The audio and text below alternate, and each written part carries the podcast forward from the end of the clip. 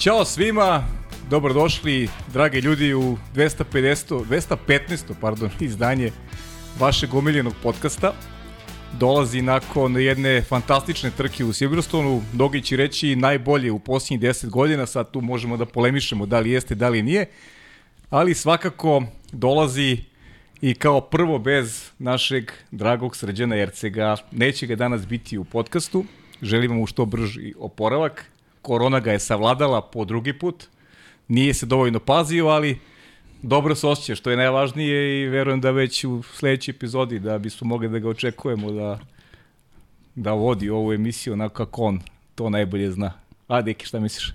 Će se oporavi Srki brzo? Pa ja se nadam da hoće, baš je prazno bez njega nekako. Ovaj, ne znam, ovaj, vidim da ljudi već komentarišu, će imati ja tu u sat vremena da upakujemo, da upakujemo sve u sat vremena.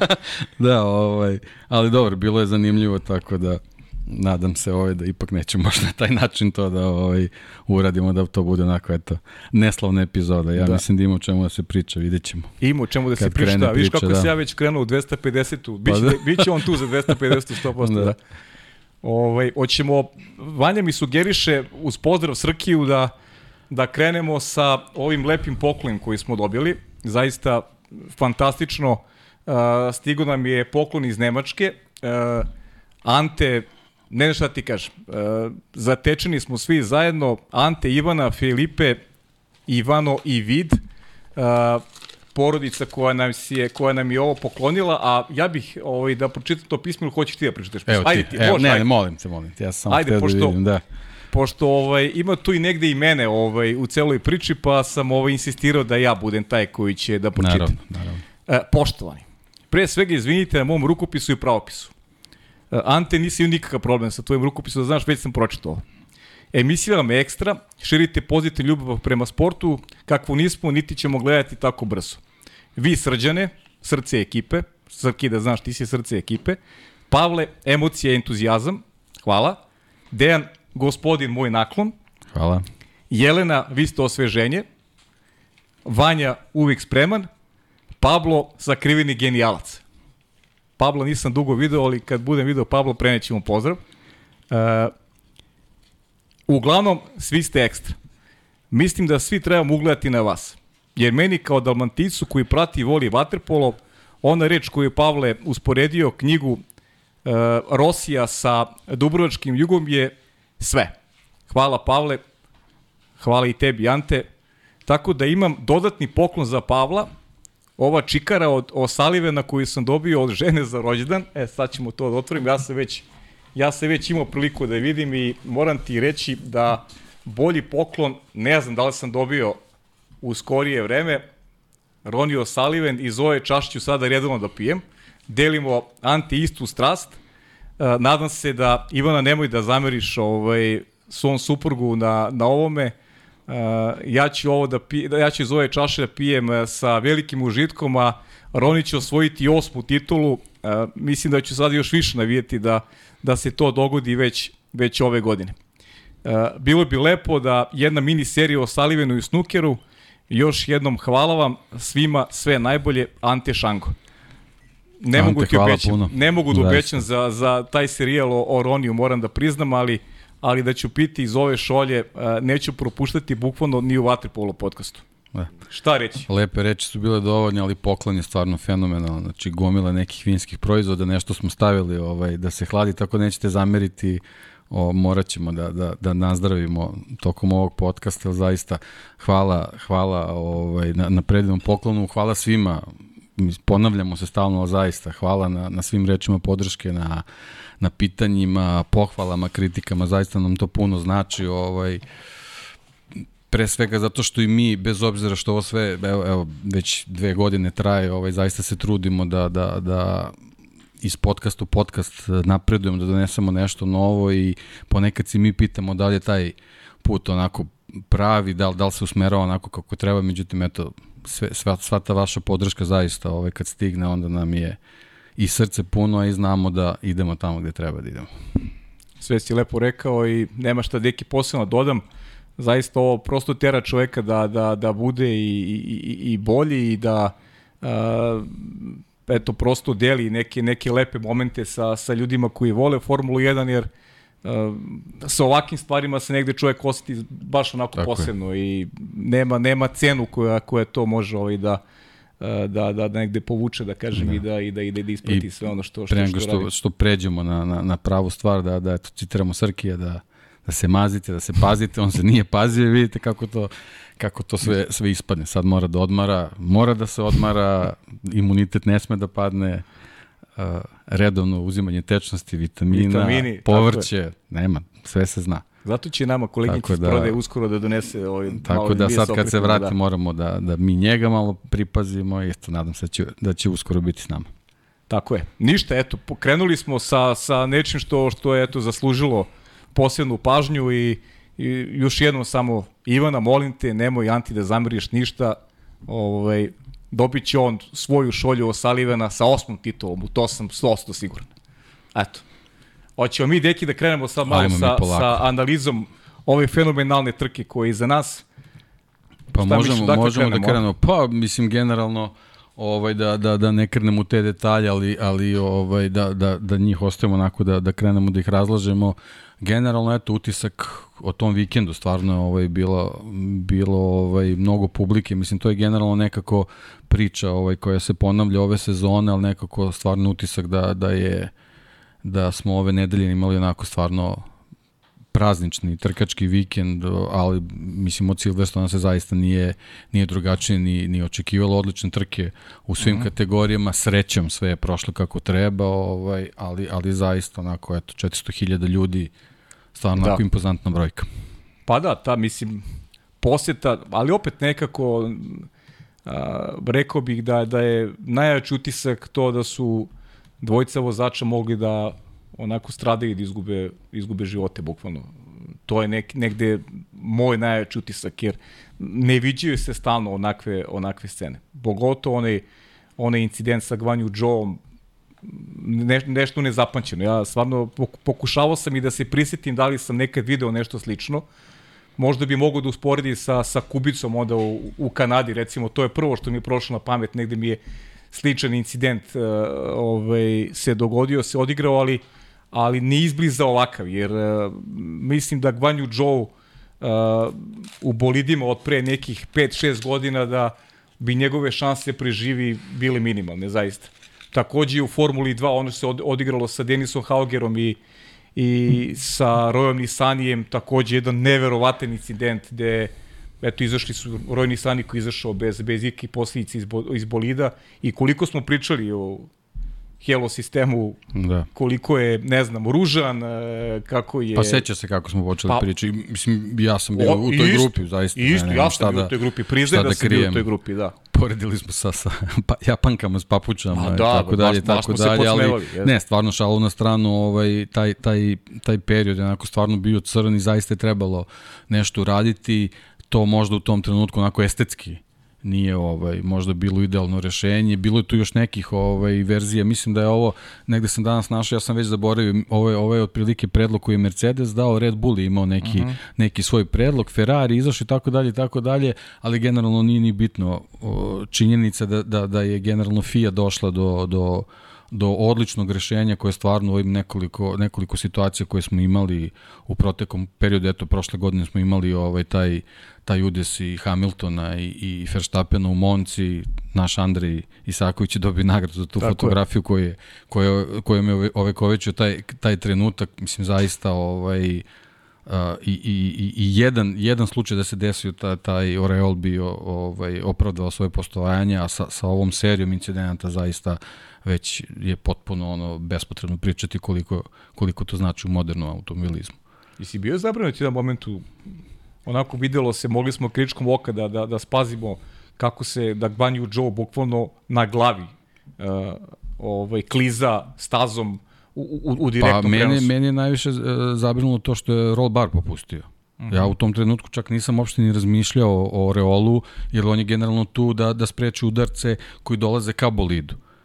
Ali ovaj kad sam video da, da, da, da je roll bar popustio, mislim da je to element o kojem bi stvarno morali sad da, da malo više povedu računa, jer ranije se stvarno nije dešavalo da, da taj deo iznad glave vozača tako lako popusti. Međutim, videli smo posle snimke sa asfalta, to je stvarno ogromna sila, bila ogromna brzina, uh, taj, taj, taj roll bar je ostavio 2-3 cm dubog trag na, na asfaltu Silverstone, to je stvarno ovaj, jednostavno kad se, kad se te sile poklope tu, tu nema, nema puno pomoći, ali mislim da, da, da bi morali ovaj, eto, taj, taj deo dobro je da je ovako prošlo, ali sad je nauk da, da, da moraju na, na, taj, na tom roll baru ovaj, da, da porade.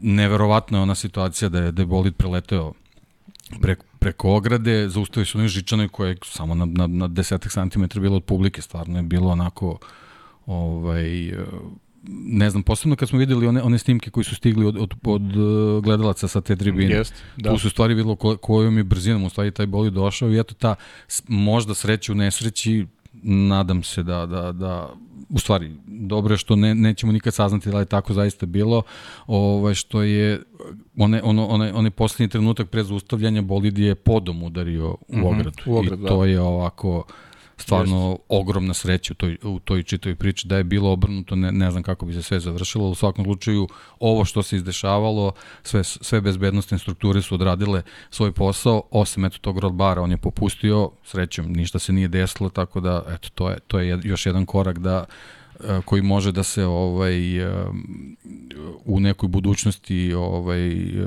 unapredi da da i taj element jednostavno bude u sklopu sa ovim ostalim. Pa obično svakih incidenata dobijamo poboljšanje kad je u pitanju neku sasvim neku nadgradnju. Sigurno, sasvim sigurno, da. da. to se ja sam dao i primjer iz NASCAR-a s obzirom da se setio Austin Dillon, recimo jedan sličan incident.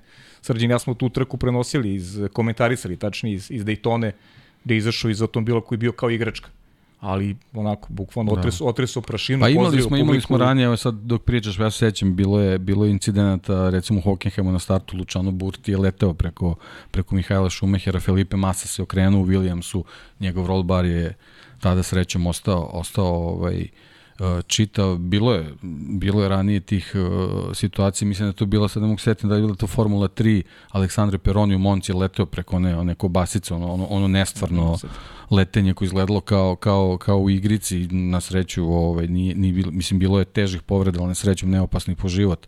Tako da, ovaj, stvarno, te bezbednostne strukture u bolidima u posljednje vreme odrađuju, odrađuju ovaj poslove kako treba i to što se rekao, nažalost, eto, u, u, u istoriji su se dešavali i tragični slučajevi koji su doprineli poboljšanju bezbednosti. Eto, danas imamo sa toga, iz tog aspekta Formula 1 kako imamo i zaista pohvala što da. se tiče bezbednosti. E sad, da šta mene zanima sa ovo cijeli priče, sad onaj aspekt, onaj, onaj, onaj ljudski i, i, i kad, kad proživiš tako nešto, uh, kako se ponašaš u sledećim trkama? To je sa pitanje iz pozicije Gvanju Joe Sećamo se Roman Grožan kad ima onaj incident, kad je Matene gore u, u bolidu, Znaš, treba sad sebe da pripremiš uh, psihički za, za, za, neke sledeće, za neke sledeće trke. I, i baš me interesuje kako će se Gvan Yu ponašati na stazi, jer on je generalno ovo možda slavi kao drugi rođendan, taj treći jul, to, to nema, nema govora, jer to su, to su incidenti gde, rekao si, imao je malo i sreće u celoj priči, ali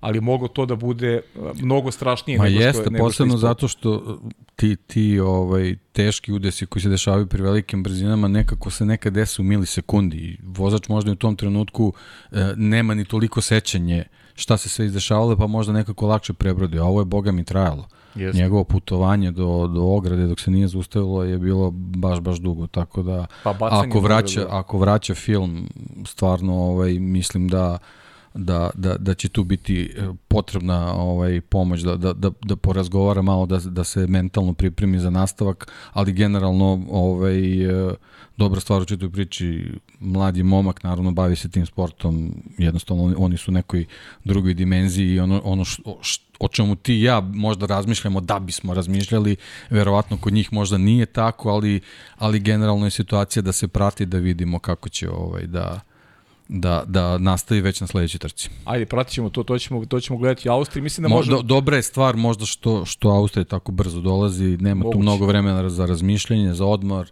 već kreću strategije, priprema za sledeću trku i, i to je ono što možda u ovom trenutku njemu može da pomogne. Ajde, vidjet ćemo, pratit ćemo naravno tokom vikenda, pričat ćemo o sledeći nedelji onome što će se dešavati u Austriji.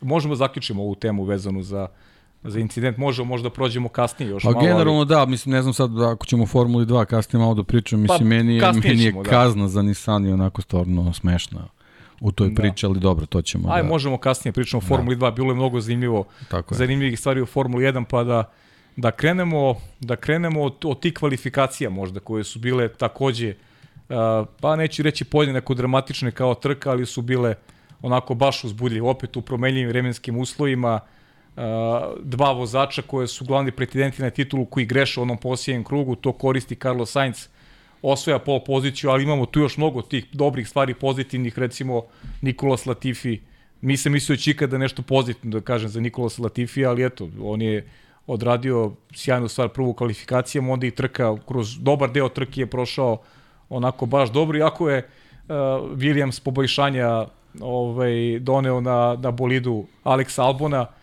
Latifi pa da, onako... ali eto, generalno kad su tako neke nepredviđene vremenske prilike, očigledno ta, ta čitava tehnika koja se nalazi u bolidima u tom trenutku možda ne igra toliko važnu ulogu, naravno ovaj neke neke da finese da je, su da je bitne. kvalitet Latifi odigrao. Pa ne samo kvalitet Latifi, nego jednostavno uh, uh, potrebno je da u takvoj situaciji imaš i, i sreće vezano za trenutak izlaska na stazu i tako dalje i tako dalje, a stvarno su uslovi bili takvi da mi nismo imali ovaj permanentno vlažnu stazu da, da, da tokom čitave, čitave kvalifikacije i, i, i određenih perioda to bude uh, uh, jednaka vlažnost, nego jednostavno menjalo, sušilo se, vlažilo i tako dalje i tako dalje, tako da dosta je faktora sreće tu bilo, tako da ovaj, što se tiče Latifija, očigledno je da, da je to bio slučaj s obzirom da, da su neki kasniji periodi tokom trke videli da taj bolid zaista nema, nema nikakve šanse, pa da, pa da. posebno na ovakvom profilu staze, ali eto jednostavno njega onako malo i poslužila sreće, možda i zaslužio posle svega šta mu se, šta mu se dešavalo, ali ipak on je, on je vozač Naravno, tu, tu stoji ta priča, on je jednostavno tu zato što ima, ima taj sponzorski paket oca, njegove kompanije koje se nalazi na, na zadnjem retrovizoru za, na zadnjem uh, stabilizatoru Williamsa, tako da ovaj, vidi se da je tu priličan udeo što se tiče tog, tog novca prisutan, tako da ok, on je zbog toga tu, ali jednostavno on je već dugi niz godina u Formuli 1 kao test vozač što Renaulta, što eto, i, i, i sada u Williamsu, tako da tu postoji neko iskustvo, postoji znanje, ali očigledno nije nije on dovoljan kalibar da bi da bi mm. u ovom u ovom moru nekih novih zvezda Formule 1 mogao mogao da opstane i onda eto i njemu je potrebno tako neka neka sreća da bi da bi malo da bi malo isplivao na kraju krajeva i Carlos Sainz je bio malo srećniji u toj nekoj čitovi priči. Posle svega onoga šta mu se dešavalo u kvalifikacijama, setimo se one Australije, one, Jest. one crvene zastave koje apsolutno nije nikakve veze imala s njegovim tako krugom je. i tako Jest. dalje. Tako, od tog trenutka je praktično sve počelo što tiče nekih loših situacija mm -hmm. za Carlosa Sainca i ovo je, ova trka je konačno bila eto, prilika da, da naplati sve šta mu se loše dešavalo ove godine. Dobro, ali odvezuje saista taj posljednji krug, da. on jedini nije grešio. Tako je onda kad je bilo najvažnije odvezao je bez greške, pogotovo drugi sektor gde je napravio razliku u odnosu na, na oba rivala, tako da je Max morao da se zadovolji drugom pozicijom, a Charles Leclerc Pa da, i eto, to, to je već, već bila neka situacija gde, gde imaš uh, kvalifikacije koje nisu potpuno čiste što se tiče tih vremenskih uslova i još jednom se potvrdilo da takva situacija posle donese i uzbudljiv start trke, ako ne i, i čitavu trku kasnije. Da, znaš šta mi još bio utisak, ne, ne znam kako si ti video to, Aston Martin ponovo, drugi vikend za redom oba vozača uh, ispod crte, završavaju u Q1 i, i Sebastian Vettel, Lance Stroll, Uh, I ono što, ne znam, volim poslije vreme da, da negde, ne znam zbog čega to radim generalno, ali interesantno mi je to poređenje Williams Aston Martin. Williams koji sa, sa ulaganjima kakva jesu, uh, sponzori koji dolaze od, od, od uh, vozača, pre svega Latifija, i ovde gde je uloženo mnogo novca, gde, gde je ozbiljan kapital, gde su dovedeni uh, ljudi iz različitih timova, inženjeri, vrhunski i tako dalje, Aston Martin koji često izgleda kao jedna ispoprosječna ekipa. Pa, Formula 1 je prilično kompleksna i daleko od toga da je velika količina novca jedini jedini faktor koji je o, o, najbitniji u toj nekoj priči gde se određuje ko će biti uspešan ako ne. jako je, jako je važna organizacija i bez obzira što ti, to ti, mislim, ono, možemo da poredimo i sa futbolskim timom. Možeš ti da, da okupiš uh, najveće svetske zvezde i da potrošiš na njih e, i milijarde i da dovedeš i najkvalitetnijih trenera, ali ako tu ne postoji sinergija koja će da vodi ka nekom napretku, onda nema, nema, tu, nema tu onda zdrave priče. I to meni nekako u ovom trenutku i deluje tamo bez obzira što, što su zvučna imena od, od vozača, da kažemo, Sebastijana Fetela, pa preko šefova ekipa i tih nekih zvučnih imena u tom nekom inženjerskom delu, jednostavno e, kao da e, ne postoji neki jasan plan u, u kom smeru su krenuli, a to mi je uh, posebno bilo jasno u trenutku kad su radikalno promenili izgled bolide i praktično preslikali Red Bull. Znači oni, mm. oni su u tom trenutku pokazali da apsolutno nisu bili sigurni u, u, u šta su se upustili kad su, kad su prvu verziju bolida pripremili za, za početak sezone, koji je delao onako prilično drugačije od ostalih, imao je imao je neka inovativnija rešenja, mislim, ako to može se kaže, pošto svi su inovativni s obzirom da je prva sezona, ali mm. nekako su izašli sa, sa, sa nekim originalnim rešenjem, ali očigledno da, da to jednostavno u ovom trenutku u ovoj Formuli 1 ne pije vodu, nije dovoljno samo da, da budeš avangardan ili drugačiji, nego jednostavno to mora da ima svrhu, zašto si to tako uradio. Delo je da ta prva priča sa tim prvim bolidom apsolutno je bila neka stramputica i, i sad je možda potrebno i vreme da se, da se čitava ekipa upozna sa, sa ovim bolidom, da, da nauči u stvari kako funkcioniše, a eto mala, mala ovaj, ne mala, prilično nezgodna situacija je bila u tome što su staze dosta drugačije u ovom periodu kad se taj novi, novi bolid pojavio. Možda je malo bolja slika bila u Kanadi zato što eto, strolova je staza i tako dalje i tako dalje. Možda su tu bili neki podaci mm -hmm. koji su bili malo jasniji, pa ono kad, kad dođeš sa bolidom, ako već imaš neka osnovna podešavanja, možda možeš nešto malo u tom trenutku da, da podešiš, ali kad dođeš na Silverstone tu, tu nema ne možeš da, da, da se izvučeš ovaj, ako, ako ne funkcioniše sve kako treba. Jednostavno takva je staza i tu, tu ne, nema popuštanja. Da, da, oni su, još u subotu se videlo da tu nemaju čemu da, da, da se nadaju iz, iz neke perspektive dobrih rezultata, možda Vettel da izvuče nešto na iskustvo kroz trku, ali uh, Aston Martin, uh, kažem, baš onako prolazi jedan, jedan težak period i negde smo pre početka sezone, ja znam da sam tipovao i na neki, na neki podijum ove godine, Boga mi teško će do podijuma s obzirom kako se formi nalaze. E, hoćemo da se prebacimo na trku odmah. Ne znam pa da ajmo, da, da, što... Pa dobro, da, sad smo sad smo malo ovaj krenuli ovaj sa nekim ovaj donjim domom, ali ajde bolje da da da se vratimo na ajde, na ajde. početak. Mislim prošli smo onaj onaj bitan deo kvalifikacije vezan za za taj neki neki ovaj e, prvi deo poretka. Nismo spomenuli samo tu Pereza, nismo spomenuli dvojac Mercedesa ovaj, koji su bitni za, za, za ovu priču vezanu za, za samu mm -hmm. trku, tako da eto, možda možemo i njih da ubacimo pa da, pa da nastavimo dalje.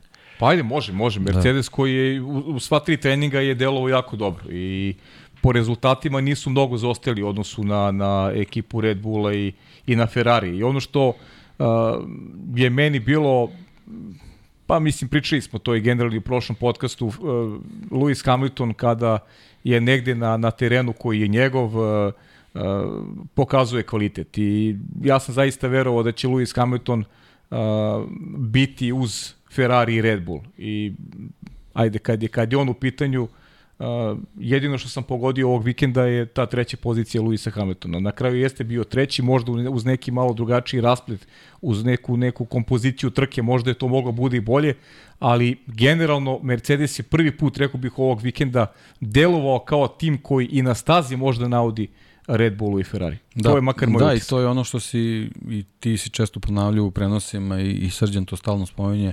Mercedes je ekipa koja radi.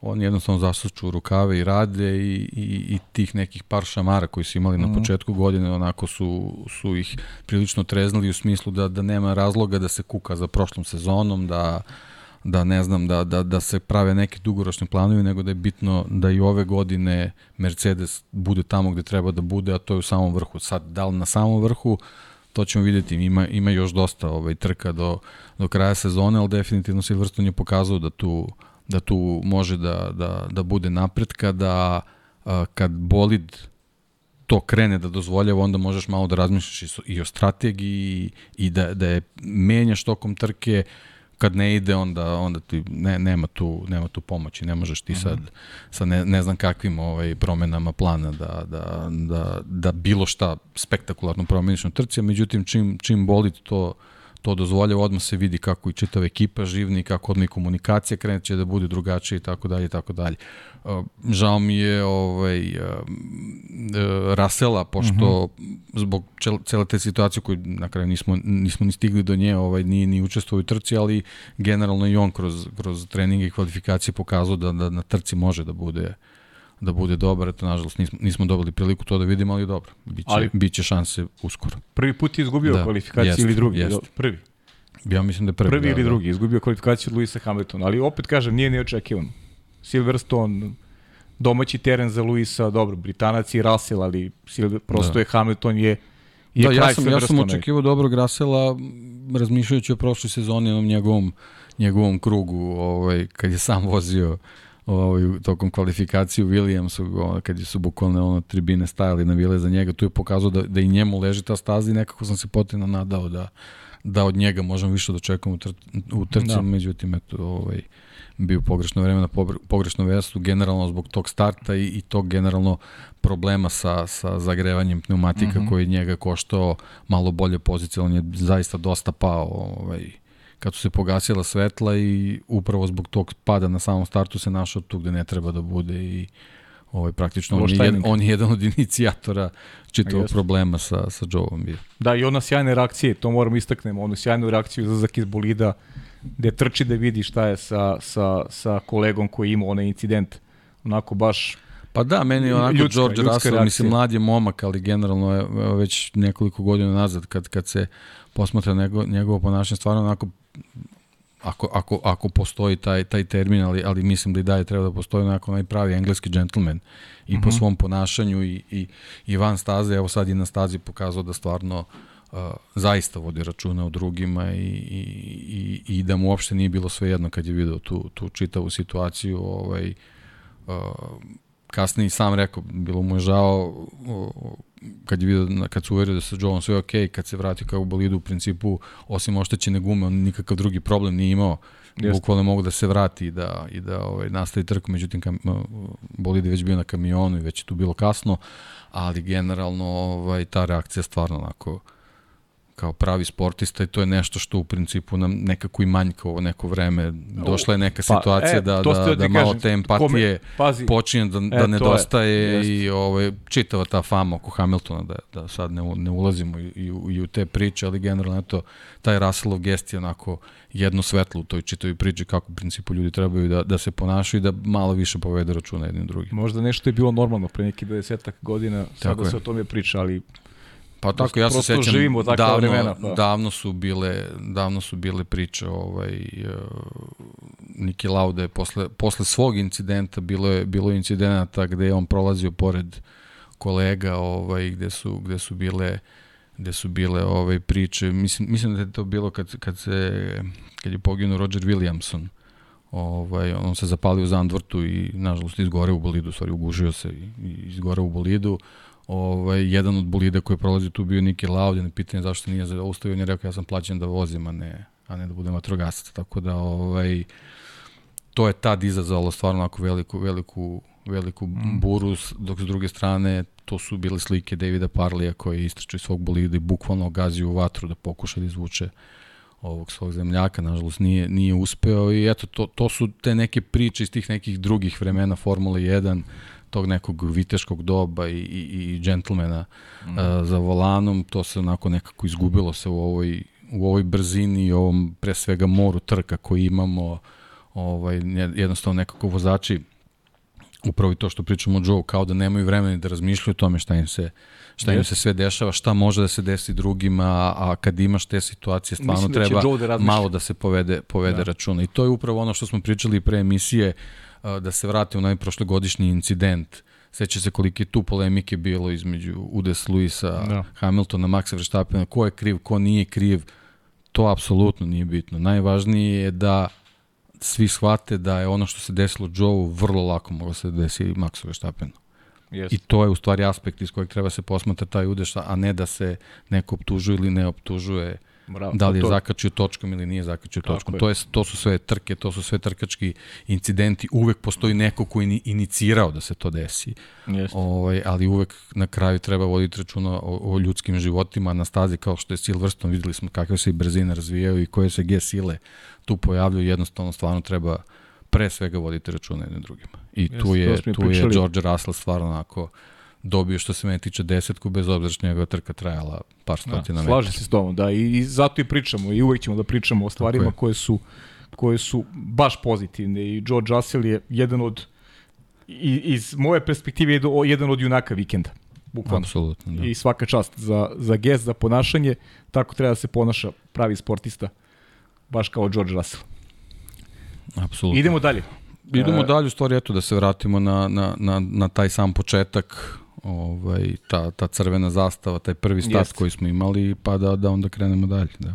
Pa dobro, crvena zastava, prvo start trke, e, Max Verstappen izbor drugačiji u odnosu na sve rivale iz prvih Da, deset. da, nažalost, eto, nećemo, nećemo saznati. Ovaj, Tako je, to je, to je šteta, da, drugačije da, to je bila i to je šteta, eto to da. pravilo, mislim, ja E, generalno... tako je, to smo pričali Da, x puta. da. Ovo, ovo je nešto se ponavlja, da. Pravilo je glupo, ajde da budemo do kraja iskreni, jer ti možeš oma da, da menjaš pneumatike, možeš da menjaš strategiju trke već posle eto koliko, jedan, dva kruga, a, a Max je želeo da, da, diktira, da diktira trku. Želeo je da, da on ima, ima prednost, krenuo je na mekim gumama, a, sigurno bi imao dva stajanja, sigurno dva stajanja Max, jer je to bila prosto strategija sa mekim gumama, drugačiji je, drugačiji Tako, put nije mogao da bude. Ne, apsolutno. I tu bismo onda videli strateški ko bi tu pobedio u toj bici na relaciji Ferrari-Red Bull.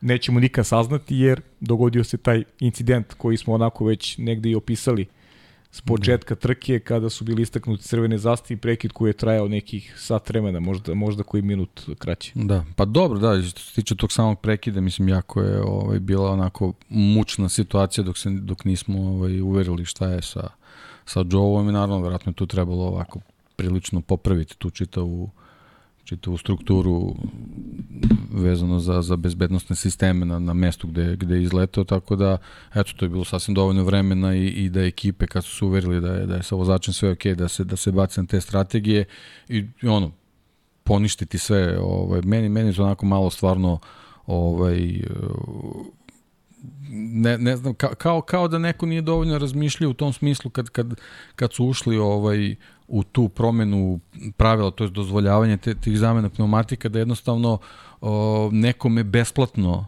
ovaj pomognu da da ispravi svoju grešku dok dok sa druge strane neki vozači koji su u određenom tu, znači ne govorim konkre- konkretno za Silverstone, generalno koji su u određenom trenutku napravili dobru odluku jednostavno ne budu apsolutno nagrađeni za to i to mi Mhm. onako malo malo mi smeta u toj čitavi priči. Da, da. Bez obzira sad da li je neko oštetio pneumatike, nije oštetio, jednostavno to je to je tako.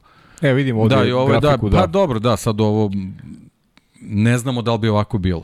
To je, Ma, to je sad da. jedini, jedina, jedina poteškoća. Mislim, mi sad otprilike možemo da vidimo kako su se neki neki vozači ovaj opredelili, ali evo vidimo na primer Vettel je imao tu neku agresivniju stra- strategiju, nešto želeo da da da da da pokuša, Pa- ali već smo rekli, znači jednostavno performanse bolida teško da, da, da su to uopšte mogle da podrže ovo, ovaj donji dom, ajde generalno to sad ne moramo Pa, toliko to, da donji, vidimo. da, da, donji dom nije imao drugih opcija, Da. prosto morali su da Tako je. pokušaju sa, sa nečim agresivnijim. Tako je, ali generalno ova ova priča ovaj sa žutim gumama pokazuje da da su one u stvari bile bile neki pravi izbor za Da, tu, za ovaj trkački vikend. tu je Čeko Perez u stvari naj, najviše profitirao od onog od ustajanja kvara, u stvari Esteban Okona. No, on, on je dobio besplatno stajanje. Tako je. Da. On je baš dobio onako pravo besplatno stajanje i na taj način se uključio u bitku za u bitku za podijum i zaista odvezao iskoristio prosto momentum, odigrao, o- odvezao dobru trku, ali o tom potom, aj doćemo, do- doćemo do čeka, jer ima tu još Da. interesantnih deki momenata. Uh, naravno, pričat ćemo i o Ferrari, mislim da Ferrari zaslužuje posebno poglavlje, u krajnjem slučaju pobedili su u trci, Da. pa samim tim i zaslužuju posebno poglavlje, ali meni iz, iz jednog drugog aspekta. Uh, imamo početak trke, dakle, taj, taj restart sad, ajde da, Da. idemo idemo na restart i uh, te pozicije koje su nadohnedili na početku trke i Lewis Hamilton i Fernando Alonso, sjajan, sjajan start je bio i Fernando Alonso i Lewisa Hamilton i Maxa Verstappena, morali su da vrate te pozicije, tako da je Sainz poveo trku, Sainz je poveo trku ispred Maxa Verstappena, Charles Leclerca i imamo onu grešku koju Sainz pravi u ranoj fazi trke kada uh, ide široko, beži mu zadnji kraj, to koristi Max Verstappen i preuzima lidersku poziciju, idealan scenario za Maxa koji na srednje tvrdim gumama vodi trku i deluje da Max mora priznam, ja sam to pomislio, otvorio da, to, vrata to si, Da, i rekao si bukvalno tako, u, i, tom trenutku. Tako, da. ide, da. ide Max Verstappen uh, ka nečemu što je njegov cilj, ka pobedi u Silverstone. Pa da, eto, ali to su, to su sad već neke stvari koje se Sainzu ponavljaju, jer generalno ranije, uh, pre nego što je došao u Ferrari, on je, on je vađao stvarno za, za vozača koji redko pravi te greške i, i, i u principu je sposoban da isporuči ono, ono što je neophodno ekipi u tom trenutku. E, međutim, prelazak u Ferrari donosi neke, neke druge uh, druge obaveze praktično sa sobom, neke druge pritiske i evo, nažalost, on već, znači, već sam spomenuo tu Australiju vezano za te kvalifikacije, ali on je tad i na trci napravio, napravio mm -hmm. veliku grešku, tako da od tog trenutka te, te nesigurnosti se nekako ovaj ponavljaju, što zbog nekog njegovog forsiranja, što zbog nekih nekih grešaka pod pritiskom i, i stvarno je u tom trenutku delovalo da, da će propustiti priliku da urade nešto više na, na, na ovoj trci. Da, i pritom, ajde, imamo, hoćemo Ferrari da se bavimo sada, imamo tu A, više priča. Da, ajde sad da, da ne ulazimo, greška. da ne krenemo sad krug po krug, ali ne, ne, u principu ne, možemo, nikako, možemo sad već da krenemo, da krenemo po ekipama. I, i imamo, pro, Mislim imamo, da je, da je dobro, trenutak, da. Tako je, imamo problem da. Maxa Verstappena koji gubi pozicije, ide Sainz napred, ide Leclerc napred i dolazimo do onih priča gde uh, Meni, pričao sam pre početka sezone, ono što meni e, generalno smeta kod Charles Leclerca je e, to što je malo, što je mekan.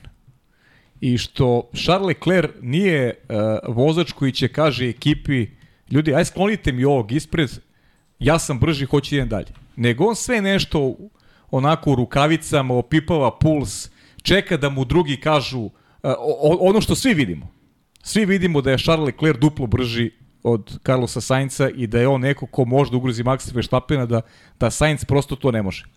Ali ekipa Ferrarija koja očigledno nema jasan stav. Mi smo u tom periodu još rane faze trke kada je Lewis Hamilton sustizao Ferrari, svi vidimo da je Leclerc taj koji može da vuče, koji treba da bude ispred, oni tu igraju se nekog sistema opipavanja pulsa, pa ne znam, vidjet ćemo, pa pa uh, Sainz treba, da, treba vreme 1.40, ja sam se zaborio koje vreme, pa ti vidiš da tog vremena nema, pa, pa oni opet zovu Sainz da mu kažu da mora to vreme.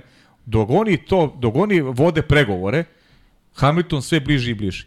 Hamilton vrti najbrže krugove trke, dok oni pregovaraju oko toga da konačno Charles Leclerc postave tamo gde mu je mesto. Tamo gde je momak zaslužio uh, sjajne vožnjama. I, I imamo jedno, onako, jednu lančanu reakciju cele priče, koje se završava onim meni neverovatnim potezom kada ostavljaju Leclerca na stazi, a Carlosu Sainzu stavljaju meke gume u finišu trke. E, e, znaš kako, pričamo o Ferrari kao pobedniku trke. Meni, je, meni Ferrari nije pobednik trke. Meni je Ferrari e, se samo uništio u, u ovoj trci. Iako ima čoveka koji je na kraju pobedio, ali nema pravog čoveka koji je pobedio nema neko ko može da bude konačni pobednik u šampionatu. Jer Carlos Sainz, on ne može da pobedi Maxa Verstappena na, na duže staze, on ne može da pobedi Charles Leclerc na duže staze. Pa Kako jeste, ti ali, ali mora, moraš da priznaš da je to ipak jedna romantika koja prati Ferrari. Pa moraš ja, da priznaš da je tako. A, a ja priznajem, ali, ali, ali, ali, ne moram, ali ne moram to da odobravam.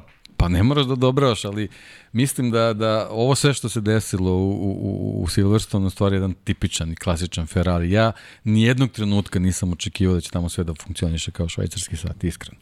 Posebno trenutka kad je, kad je Leclerc onako agresivno krenuo i ostao bez, bez da. ovaj eh, prednjeg dela prednjeg krila i, i stvarno moram da kažem mislim da da je izuzetno vozio na stazi gde gde mnogo aerodinamike potrebno da bude apsolutno sve perfektno sa onako oštećenim krilom da da izvedeš onakvu trku i da sve vreme budeš u konkurenciji čak i za pobedu da se nerviraš što to ne možeš da uradiš mislim da je to onako ovaj prilično dostignuće za za Charlesa Leclerc.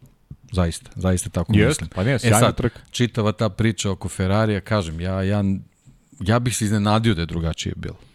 Iznenadio bih se da, da je tre, koliko sad to možda, tri ili četiri te situacije da su oni u svakom trenutku reagovali pravovremenom, da su, da su reagovali precizno, ali a, ne bih bio možda toliko grub prema njima a, a, vezano za situaciju kod, kod safety kara gde su obojica a, vozača možda trebala da, da, da uđu, ovaj, da, da zamene a, pneumatike, ali jednostavno mislim da, da su u tom trenutku vagali a, da su suviše blizu, da bi to suviše dugo trajalo. Znamo već kako to traje kod njih, a opet procena je bila a, da to je moje mišljenje, znači ne, nisam Ne, okej, apsolutno da, vidio nikakvu njihovu analizu, a, da, je, da su možda razmišljali o tome da, da Šarlove gume ipak nisu toliko matore, da je možda suviše rano za, za meke, da koji, koji možda ne mogu da izdrže taj, taj ceo stint, a opet s druge strane Sainz ima kompletan bolid koji može da možda odbrani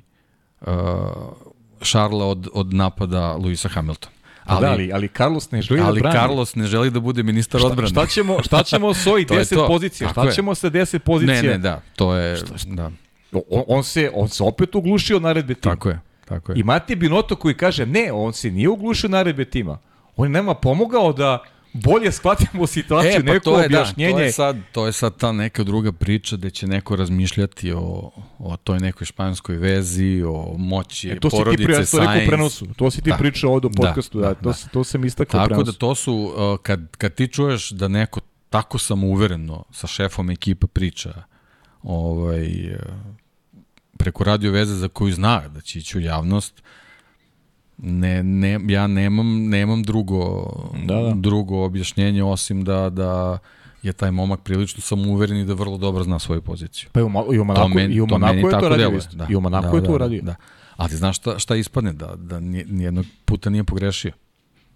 To ste ti kažem. O tome se radi, znači Da. njegove, njegove sugestije, bez obzira što u tom trenutku delovale prilično onako egocentrično i, i, i ovaj, uh, uh, kako, kako bih rekao drsko, ovaj, jednostavno one, one donesu rezultat. E, to da, je- da nije tako bilo, veliko bi pitanje bilo da li bi, da li Da. bi, da li bi uspeli da zabeleže pobedu. Pa dobro, ali opet... Oni su zabeležili pobedu, Ferrari je pobedio. Okej, u- Da to nije tako bilo, pitanje je da bismo sad pričali uopšte o pobedi Ferrari.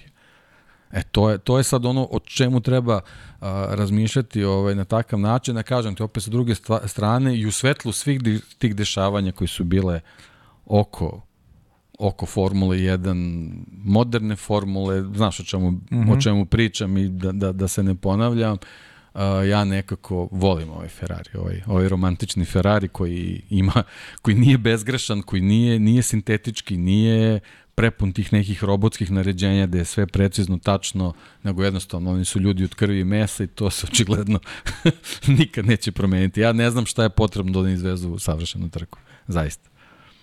Pa da li, ali ne treba tu mnogo umeća, rekao bih. Pa, Znaš, Pa, to sa strane znaš, deluje, ne treba, deluje ali kao, da. kao da on, oni sebe uništavaju. Kao, kao da im tim vodi neko iz Red Bulla. Znaš, tako izgleda. decenijama unazad se to sa njima tako dešavalo i ti si baš spomenuo prenosu, znači njima je bio potreban ovaj, Jean Todt i A, da, Mihael pa Schumacher, dobro, to je- to da je- dođe to je Jean cela- Todt da shvati kog vozača treba do, da dovede da bi taj vozač mogao, to jest njih dvojica zajedno da okupe tu ekipu i da i da funkcioniše onako kako Ferrari ne funkcioniše. Od tog trenutka kad se ta ekipa raspala, Ferrari se vratio na neke, neke svoje svoje recepte od ranije, jednostavno Raikkonen, Massa, Alonso, Vettel, Leclerc, ista Da. priča. Ko zna koliko bi tu titula moglo da bude da je bilo drugačije, ali jednostavno nije. Znaš kako, pričali smo da onako kad, kad stavljamo uh, Charles Leclerc, Carlos Sainz, meni, meni je to ekipa koja iskreno mi ne uliva poverenje, ali, ali ovaj momak je pokazao da, da on jedini može pobedi u ovoj konstelaciji snaga da pobedi Luisa Hamiltona. I to ne vidimo ti, srđan ja, to, to, to vide svi koji gledaju Formulu 1. I ti imaš jasan plan priče. Ti samo treba da ispoštuješ tog dečka i da mu omogućiš uh, status koji Max Verstappen ima u Red Bullu. Jer to je jedini način da pobediš i da postaneš svetski šampion.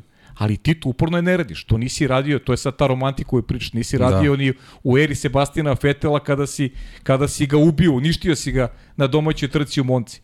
Nisi radio ni ran... pa nisi radio u krajnjem slučaju sa Kimim Rekonenom. Tebi je Kimi Rekonen doneo titula, bio vozač broj 2 u ekipe. Tako je. Filipe Massa imao prednost, bio vozač broj 1, Mihal Šumacher sede u njegovom delu garaže, svi navijeli za Masu, Kimi Rekonen kao neki jadničak ono u nekom svom ćošku i na kraju osvoje titulu.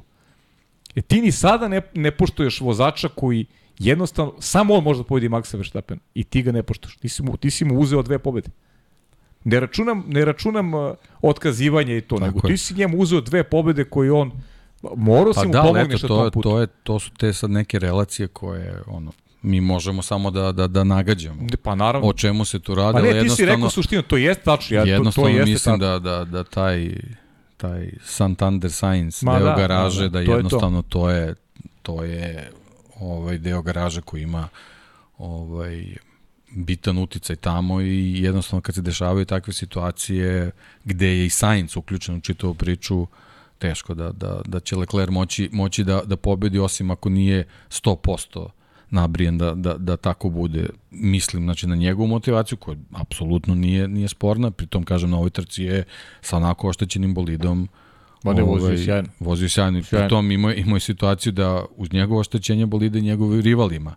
Max je naleteo na deo ovaj Pjera Gaslija koji mu se zabio u, u pod i u principu to je bio razlog loših da, performansi Red Bulla. Inače, Red Bull, gledajući izdanje Serhija Pereza, apsolutno najbrže automobili, automobili su bili na stazi i, to, i to što si rekao, taj trenutak posle Saincove greške kad je Max preuzeo vođstvo da je, da je bolid Ma, funkcionisao da. kako treba, jednostavno Gotovo. odjavio bi se i, i sasvim, sad bi, sasvim, sasvim neka drugačija priča bila. Yes, yes. Uključuju i, ta, i uključujući taj safety car i tako dalje, tako dalje. Mislim da to ne bi ništa spektakularno promenilo. Mm -hmm. Da je, da je Red Bull funkcionisao kako, te, ka, funkcionisao kako treba, a to pre svega gledamo prema izdanju Serhije Bereza koji je ponovo bio neverovatan. Ono, čovjek da. jednostavno takvu motivaciju ima kad se nađe na začelju da nije normalno. Da. Prelazimo polako na, na Red Bull. Pa, pa Možemo. dobro, evo, ako, ako, smo, ako smo nešto propustili, mislim nismo ulazili sad u detalje pa, vezane nema, za, za, za, nema za izbor sad. pneumatika i tako dalje, tako dalje, ali mislim e, što se tiče izbora uh, Sainca, tu je apsolutno bilo ok posle tog safety kara, znači jedina, jedina sporna priča je bila da li je, da li je Leclerc... Da li je trebao Leclerc da ide, a ne, da, a ne Sainz. Pa I da. da li je Leclerc trebao, imajući u vidu ovaj, dešavanje vezana za, za sigurnosno vozilo, da li je na, na svom ovaj, uh, pit stopu da je, da je bilo pistopa trebao da zameni možda to krilo, da li bi mu to kasnije dolo neke performanse. Da li ranije trebao da ode da Pa da, da to, to je da to je kod onog prvog stanja, kvar, da smo rekli da ali očigledno da, da. on je očigledno sjajno vozio i da nije bilo tog odustajanja da. Esteban Okona pa mislim tu nikad nećemo saznati, ja verujem da bi dobio trku i mislim da bi veće problem imao Sainz da da zustavi ne, imao, imao je odličan, zaista ima odličan tempo i meni nijednog trenutka nije delovalo da on je u stvari uh, bio ugrožen samo zbog, zbog hendikepa sa, sa smešnom gom, ništa Jest. drugo. Mm. Dobro, Tako ajde, onda da, možemo da, lagano, da. možemo da, eto, Red Bull, čisto da Pa dobro, da, manje više Max Verstappen prošli smo, je, da, da, jednostavno, da nije, da nije bilo tog malera sa, sa tim Jest. delom, ovaj, Pjera Gaslija, mislim da, da je ovo bila njegova trka. Ali mora da kažemo da je Čeko Perez najveći dobitnik e, tog, da, tog ponovo, otkazivanja ponovo, da. Estebana, da. Esteban Okona bolida, jer je dobio besplatno stajanje. On bi morao da ide na još jedno stajanje, sigurno i ne bi bio tako dobra plasman, ovako je dobio besplatno stajanje i to je maksimalno Da, ali to je opet ona priča, na početku govori vezano za Mercedes. Red Bull je toliko dobar u ovom trenutku da oni zaista mogu da da, da nekoliko taktika tokom trke razmatraju i da, da u zavisnosti situacije vrlo lako prilagode ovaj, uh, ophođenje prema, prema bolidima u, u nastavku da. trke, da u stvari i, i nije ovo sad kao, to sam zaboravio, nije ovo sad kao neko opravdanje za Ferrari, ali oni su toj vodećoj u, u toj vodećoj priči koja je bila jedini koji su u trenutku u safety cara morali da razmišljaju svoje dva bolida svi su imali po jedan bolid koji je bio bitan u tom trenutku i, i tu je odluka bila vrlo, vrlo jasna uh, vezano, pričam i za Mercedes i za, za Red Bull, na kraju krajeva eto i za, za Alonsa, za Alpinu, vrlo jasno bilo šta treba raditi, a samo je Ferrari morao u jako kratkom periodu da, Dobro. da, da odluči o dva bolida šta da radi Ok, s njim. imam za Kažem, tebe, ne bih hteo da zvuči kao, kao opravdanje, nego i- jednostavno... eto, imam to za je to. tebe pitanje. Max Verstappen vodi i Čeko Perez drugi u, u toj situaciji. Ma, Ko ide na, na promenu guma? Pa ne, ne, nemamo tu šta da pričamo. Tamo se tu sve jasno zna. A o tome Sve se jasno pa zna, to da, mora da, da. se zna i ovde, ako hoće bude šampion. Da. Ali Perezu, da da. Perezu je samo njegov tata u boksu koji, A, da, koji je pa onako fin i, i simpatičan i to je sve. A, Znači, ta, ovaj, tata u, Sainz, u Sainz tata priči je druga priča. Pa tata Sainz je očigledno, problem za Ferrari. očigledno, ja ne znam, ne znam šta drugo Ja može mislim da... da je jedan čovjek da problem, tu, da. to je Mati Binotto. Pa možda da, i Ignacio Rueda koji je tu Tako da to je to je ta neka španska To veza govorim, koja, ja. koja verovatno vodi računa. Ovo može da vodi samo Stefano Dominikali. da. da, da, da, da. To je To u Ferrariju nema čovjek, Ali nema znaš čovjek kako, koji to može da vodi. dolazak takve osobe apsolutno iz temelja menja čitavu organizaciju i onda sve, sve postaje drugačije. Sve postaje drugačije. Dobro. Mi, mi još nismo videli, na primjer, kod Fevrarija te neke sitnice koji su vezane za rekordnu promenu pneumatika i tako dalje, da, da se ustale, da, da, da na svakoj trci to bude, nego nekad se desi, izgubi se 2-3 sekunde, 4, rival te stiže i tako dalje i tako dalje. Eto, to je, to je ono što je, što je njima potrebno. Mnogo sitnica, ali i neke grupne stvari. Jeste, jeste. Dobro, ali svakako moramo da konstatujemo da zaključim priču sa Ferrarijem, 150. trka i prva pobjeda u karijeri. Carlos Sainz koji je došao do prve pol pozicije u karijeri, sutradan došao do prve pobjede u karijeri, nešto što naravno onako pamtiće, pamtiće za živote, jer da li ima prvo veće dostignuće Da. koje može vozač da ostvari je da dođe do prve pobjede. Mnogi su prošli I on je kroz da, i formu, u nikada izjavama nisu je da. pokazao, mislim njemu Silverstone zaista jako, jako puno znači, ovo je tako da eto, sve, sve mu se poklopilo, iako bez obzira na, na tu pol poziciju, meni to nije delovalo kao njegov vikend. Ne, da, da budem iskren, Pa zaista iskren, mi nije iskren, delovalo, ali eto, posle svih tih nekih pehova koji su mu se dešavali od kad je u Ferrariju, eto, ovo je bila prilika da se, da se njemu ta neka, neka situacija otvori, jedino, za razliku nekih drugih vozača, on je morao ponovo da utiče da to bude tako.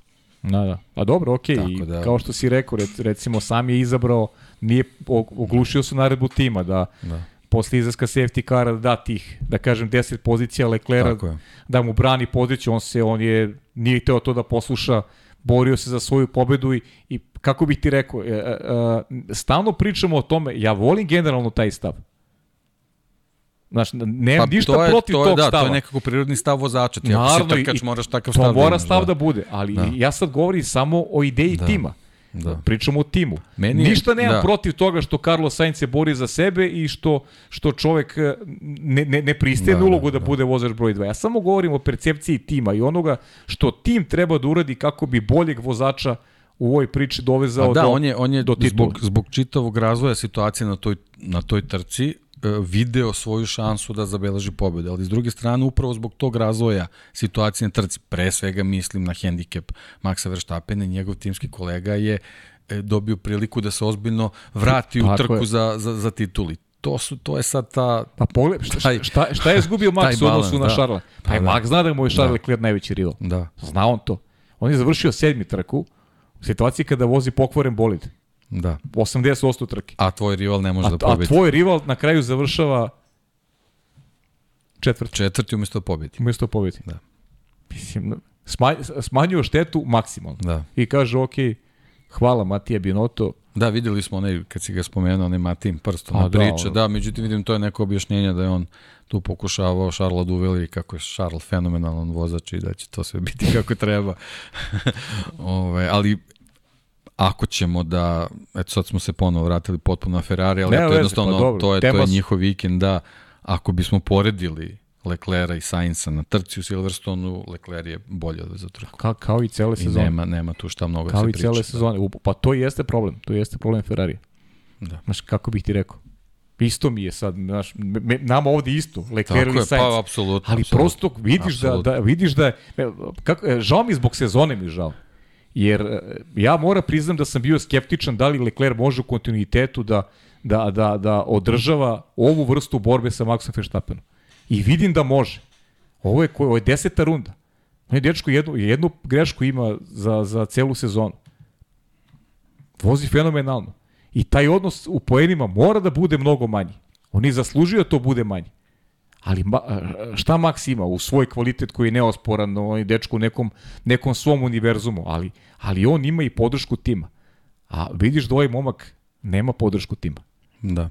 E, e njemu ta vrsta podrške treba i nedostaje mu, a oni nema. Da, i, i sad je veliko isto pitanje koliko, na primjer, ta neka armija navijača, koliko i Matija Binoto sad ima podršku posle ovakvih, posle serije ovakvih situacija. Ja, ja morati priznam da gledam, ja volim onako gazetu da, da čitam, pošto volim ovaj, te novinare koji, koji prate Formuli 1, da se ovo što, o čemu pričamo i mi, o čemu su pričali direktnom prenosu, italijanski mediji postavljaju ozbiljna pitanja upravo na tu temu. Jer, pazi, nismo svi mi ovde koji sedimo u prostoriji, ne vidimo samo mi da je Charles Leclerc bolja polovina tima. Svi vide. Da. A, da, pod, ali a šta podršku sa situacijom, nema. pazi, razlike između njih dvojice sad jako mala. 10, 11 pojena čini 11, 11 Šta ako pojena. recimo posle sledeće trke i odlaska na, na pauzu Sainz recimo Dobro pitanje. Ima bude imao bod prednosti, na primjer. Eto, neko, neko Otkaže bolid Leclercu. Nešto, pa da. I da. Sainz postane... Vidimo stvarno da dečko eto, ima, ima velikih ono, malera ove godine.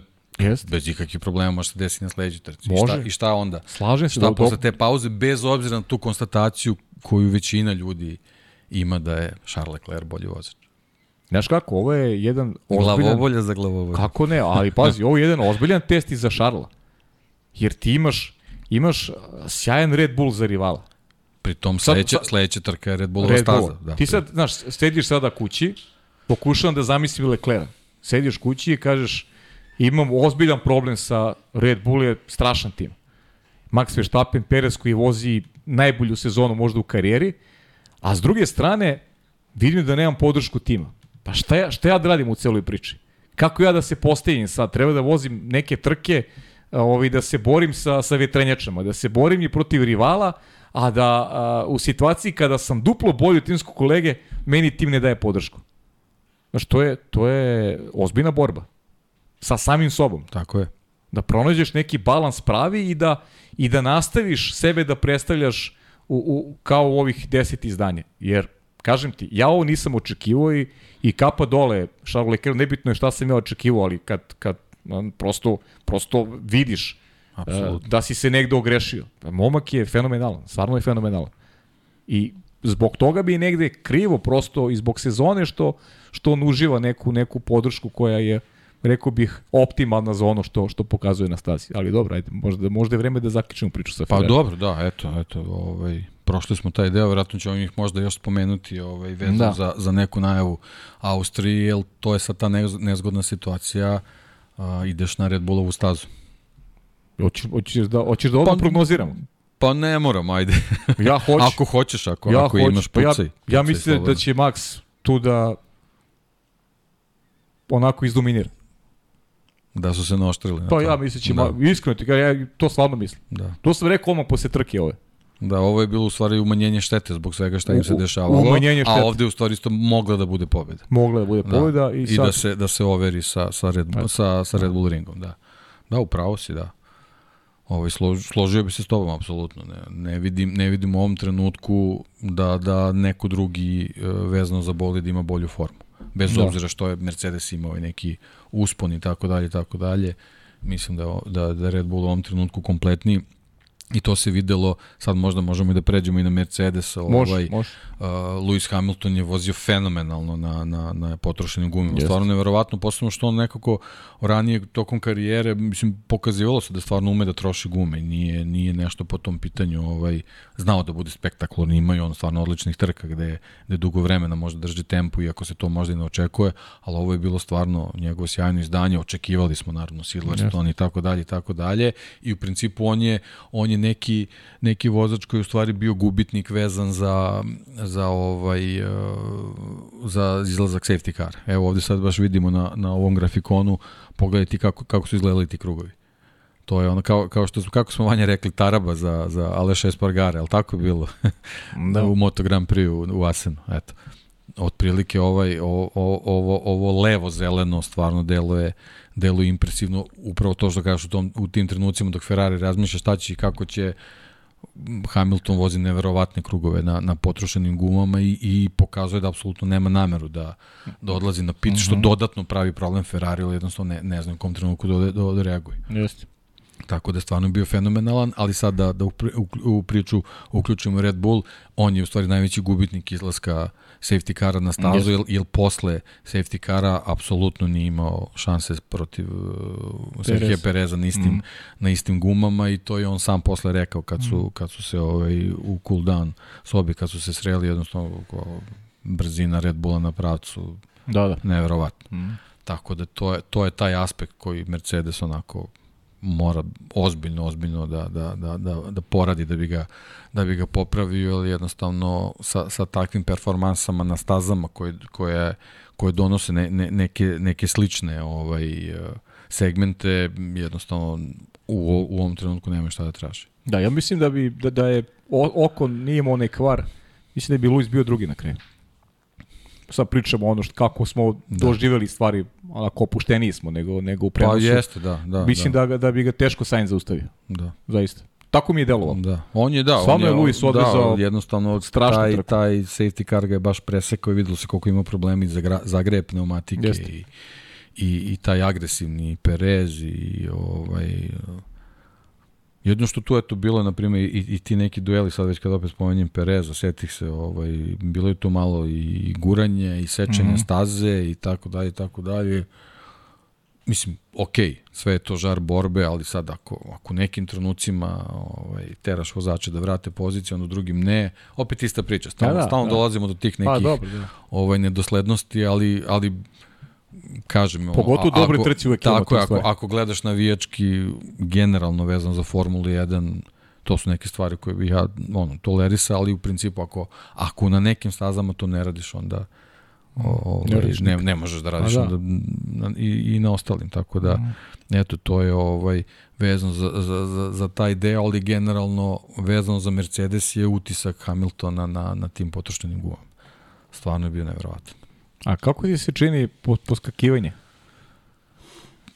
Pa, Aj su Deluje da. kao da je problem delimično rešen. Deli, da, delimično je rešen, ali, ali ovaj, verovatno i taj nedostatak uh, maksimalne brzine, u stvari generalno brzine na pravcima i dalje izgleda povezan sa, sa, sa, sa tom čitavom pričom, sa, sa poskakivanjem. Uh, ovaj, nije to delovalo toliko ovaj, dramatično, ali definitivno da, da postoji dalje.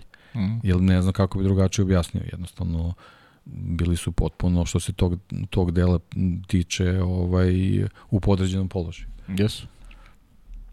Dobro, ali sjajna trka definitivno Luisa Hamiltona. Da, pa da, kažem, meni je samo žao, žao mi je što nismo dobili Georgea Russella u ovoj trci da vidimo da li je to samo do Hamiltonove inspiracije ili, ili smo generalno dobili napredak pre svega zato što je mm. George čitavu sezonu nekako u, u, u centru pažnje ovaj mnogo više nego nego Lewis Hamilton kada kada pričamo kada pričamo o stazi i teško da ćemo sad i iz te neke njegove o, njegovog izdanja moći da dobijemo odgovor da li je da li u stvari sad Da li je uh, ovaj Mercedes, Mercedes da li se vraća u igru, da li je da li je ovaj Da li je da li je shvatio u stvari Ja mislim da su bolji. Šta je potrebno? Pa da, delo ja mislim da, da su bolji, da sudeći jeste, da. ko je gledao treninge. Ali je samo bitno da li je to znači povratak u igru. To je ono što je što je nama značajno da. kao kao navijačima i kao gledaocima. Nisam siguran da to baš znači povratak u igru a priori da da će sada Mercedes da se bori redovno za podijom u situaciji kad imamo oba Ferrari i oba Red Bulla na stazi,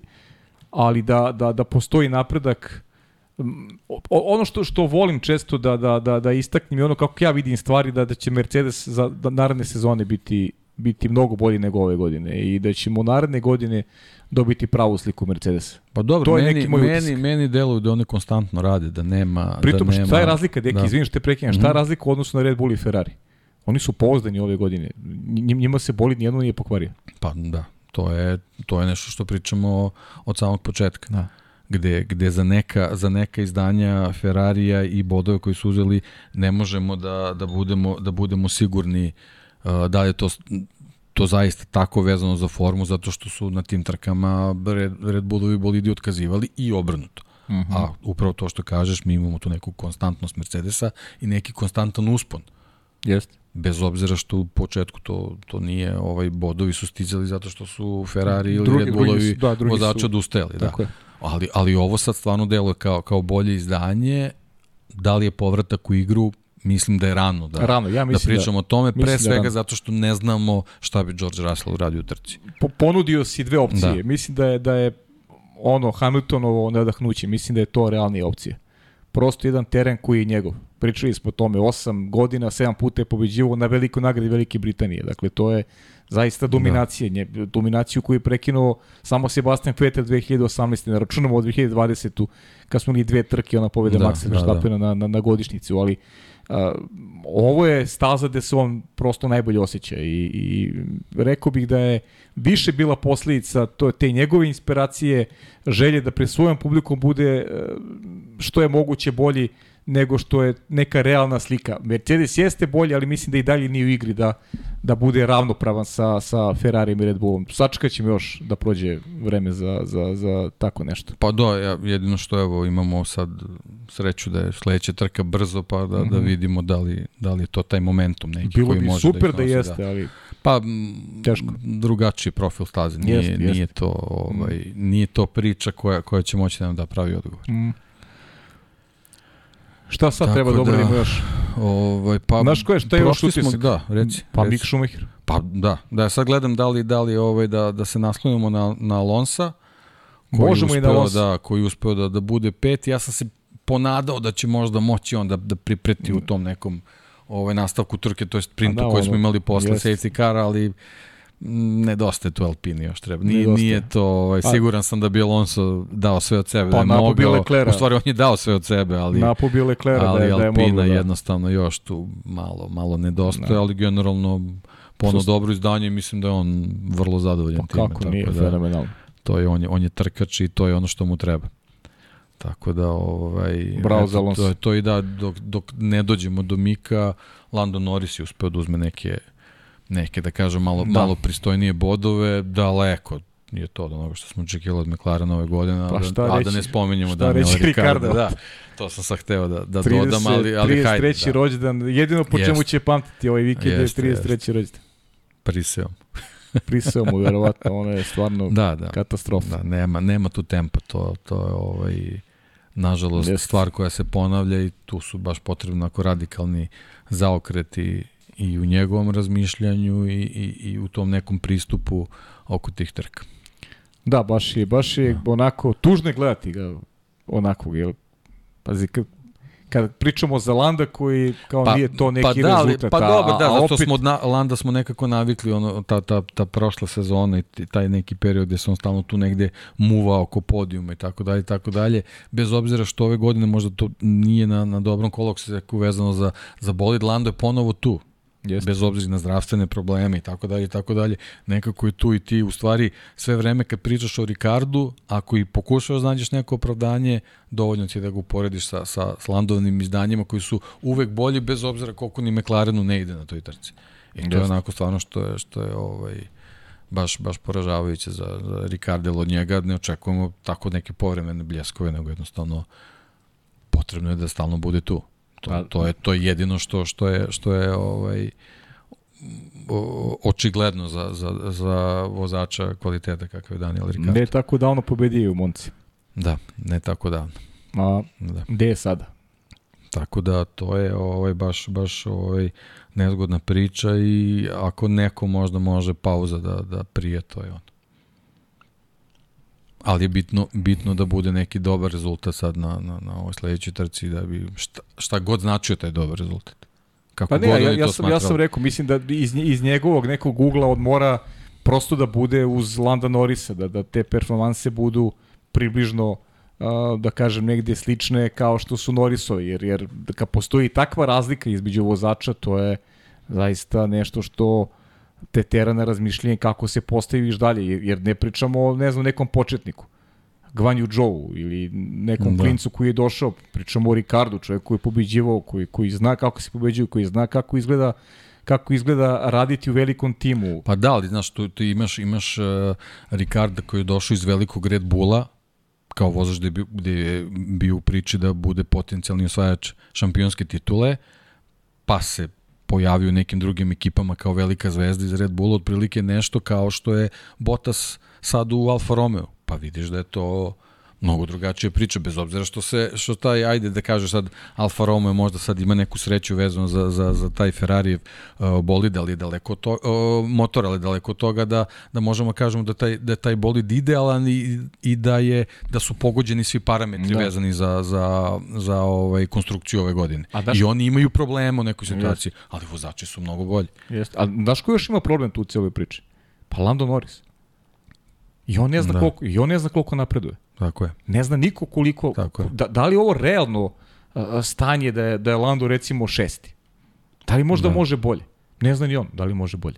Mi možemo prepostavimo da on izvuku neki maksimum, ali on nema, on više nema neki reper u timskom kolegi da vidi da, da vidi kakvo je realno stanje, jer, jer to je to je kao, kao da da se ne najuti jači Ricarda, ali, ali u nekim momentima izgleda kao da amater neki vozi taj drugi bolid.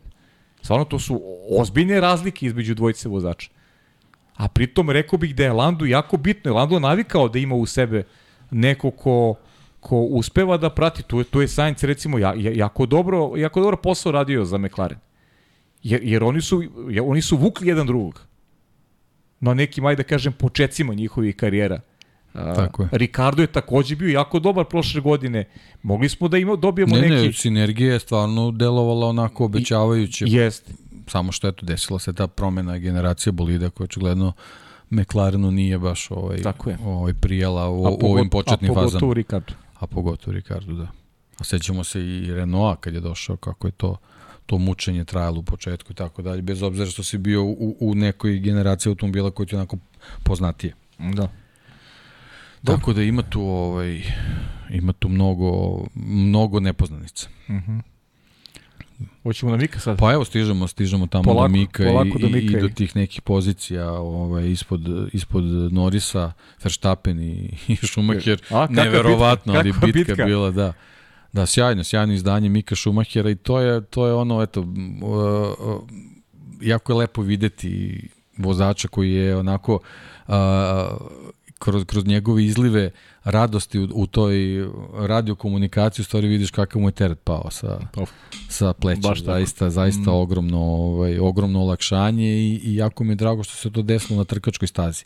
Mm -hmm. Ima, ima vozača koji ne priju njima ulične staze svima. To je, to je jednostavno nekako usud ove nove pa, Formule 1. Sjeti se Mika u Formuli 2. Da, da. Gde je najbolje vozio na trkaškim stazama. Da, ovaj, imao, je, imao je dosta problema i u Jedi, znamo kakav je, uh mhm. -huh. kakav je Udes bio i, i, i Monte Carlo i Mislim da ga to baš onako da. malo ga je da kažemo odvojilo glavom od, od jest, trkanja. Jeste. Ovaj, I više gleda da sačuva bolid nego... Dosta na stazi gde su zidovi blizu, blizu Baku je nekako nekog je to mhm. -huh. prošlo i, i, i sad ovaj, ove trkačke staze koje, koje uslede možda ćemo dobiti malo drugačijeg Mika koji će moći ovaj, da, da parira Magnusenu koji, koji je tu. Mislim, nije... Pa, Magnusen... Onako bljesak je u početku bio onako onako simpatično je to sve delovalo, da. ali dobro, bilo je dosta odustajanja, pa mislim, ne, neću da ni podaštam. Mislim, ne, ne, ne, tamo posle. Sjajna je vožna bila, bilo je malo, malo sreće da se osvoji malo, malo više poena i onda je to možda malo, malo ovaj,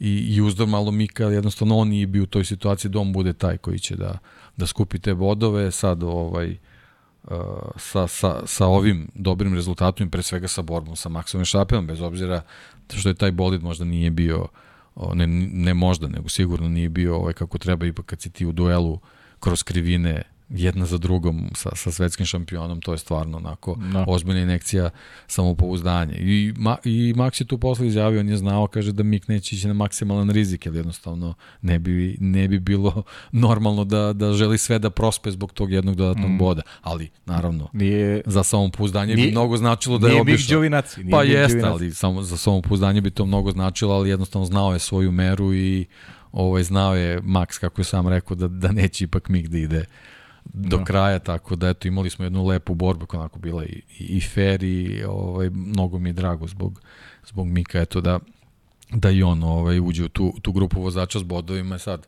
koliko to može njemu da donese, jednostavno ostaje da, da, da vidimo i ja kažem, da eto, da hoće. nadam se što, ovaj, što će imati priliku da, da na više tih trkačkih staza sad možda uđe u neku seriju. Znaš kako, ja, kako gledam stvari? Mislim da, da, da, najbolja stvar koja se Miku dogodila je Kej Magnussen.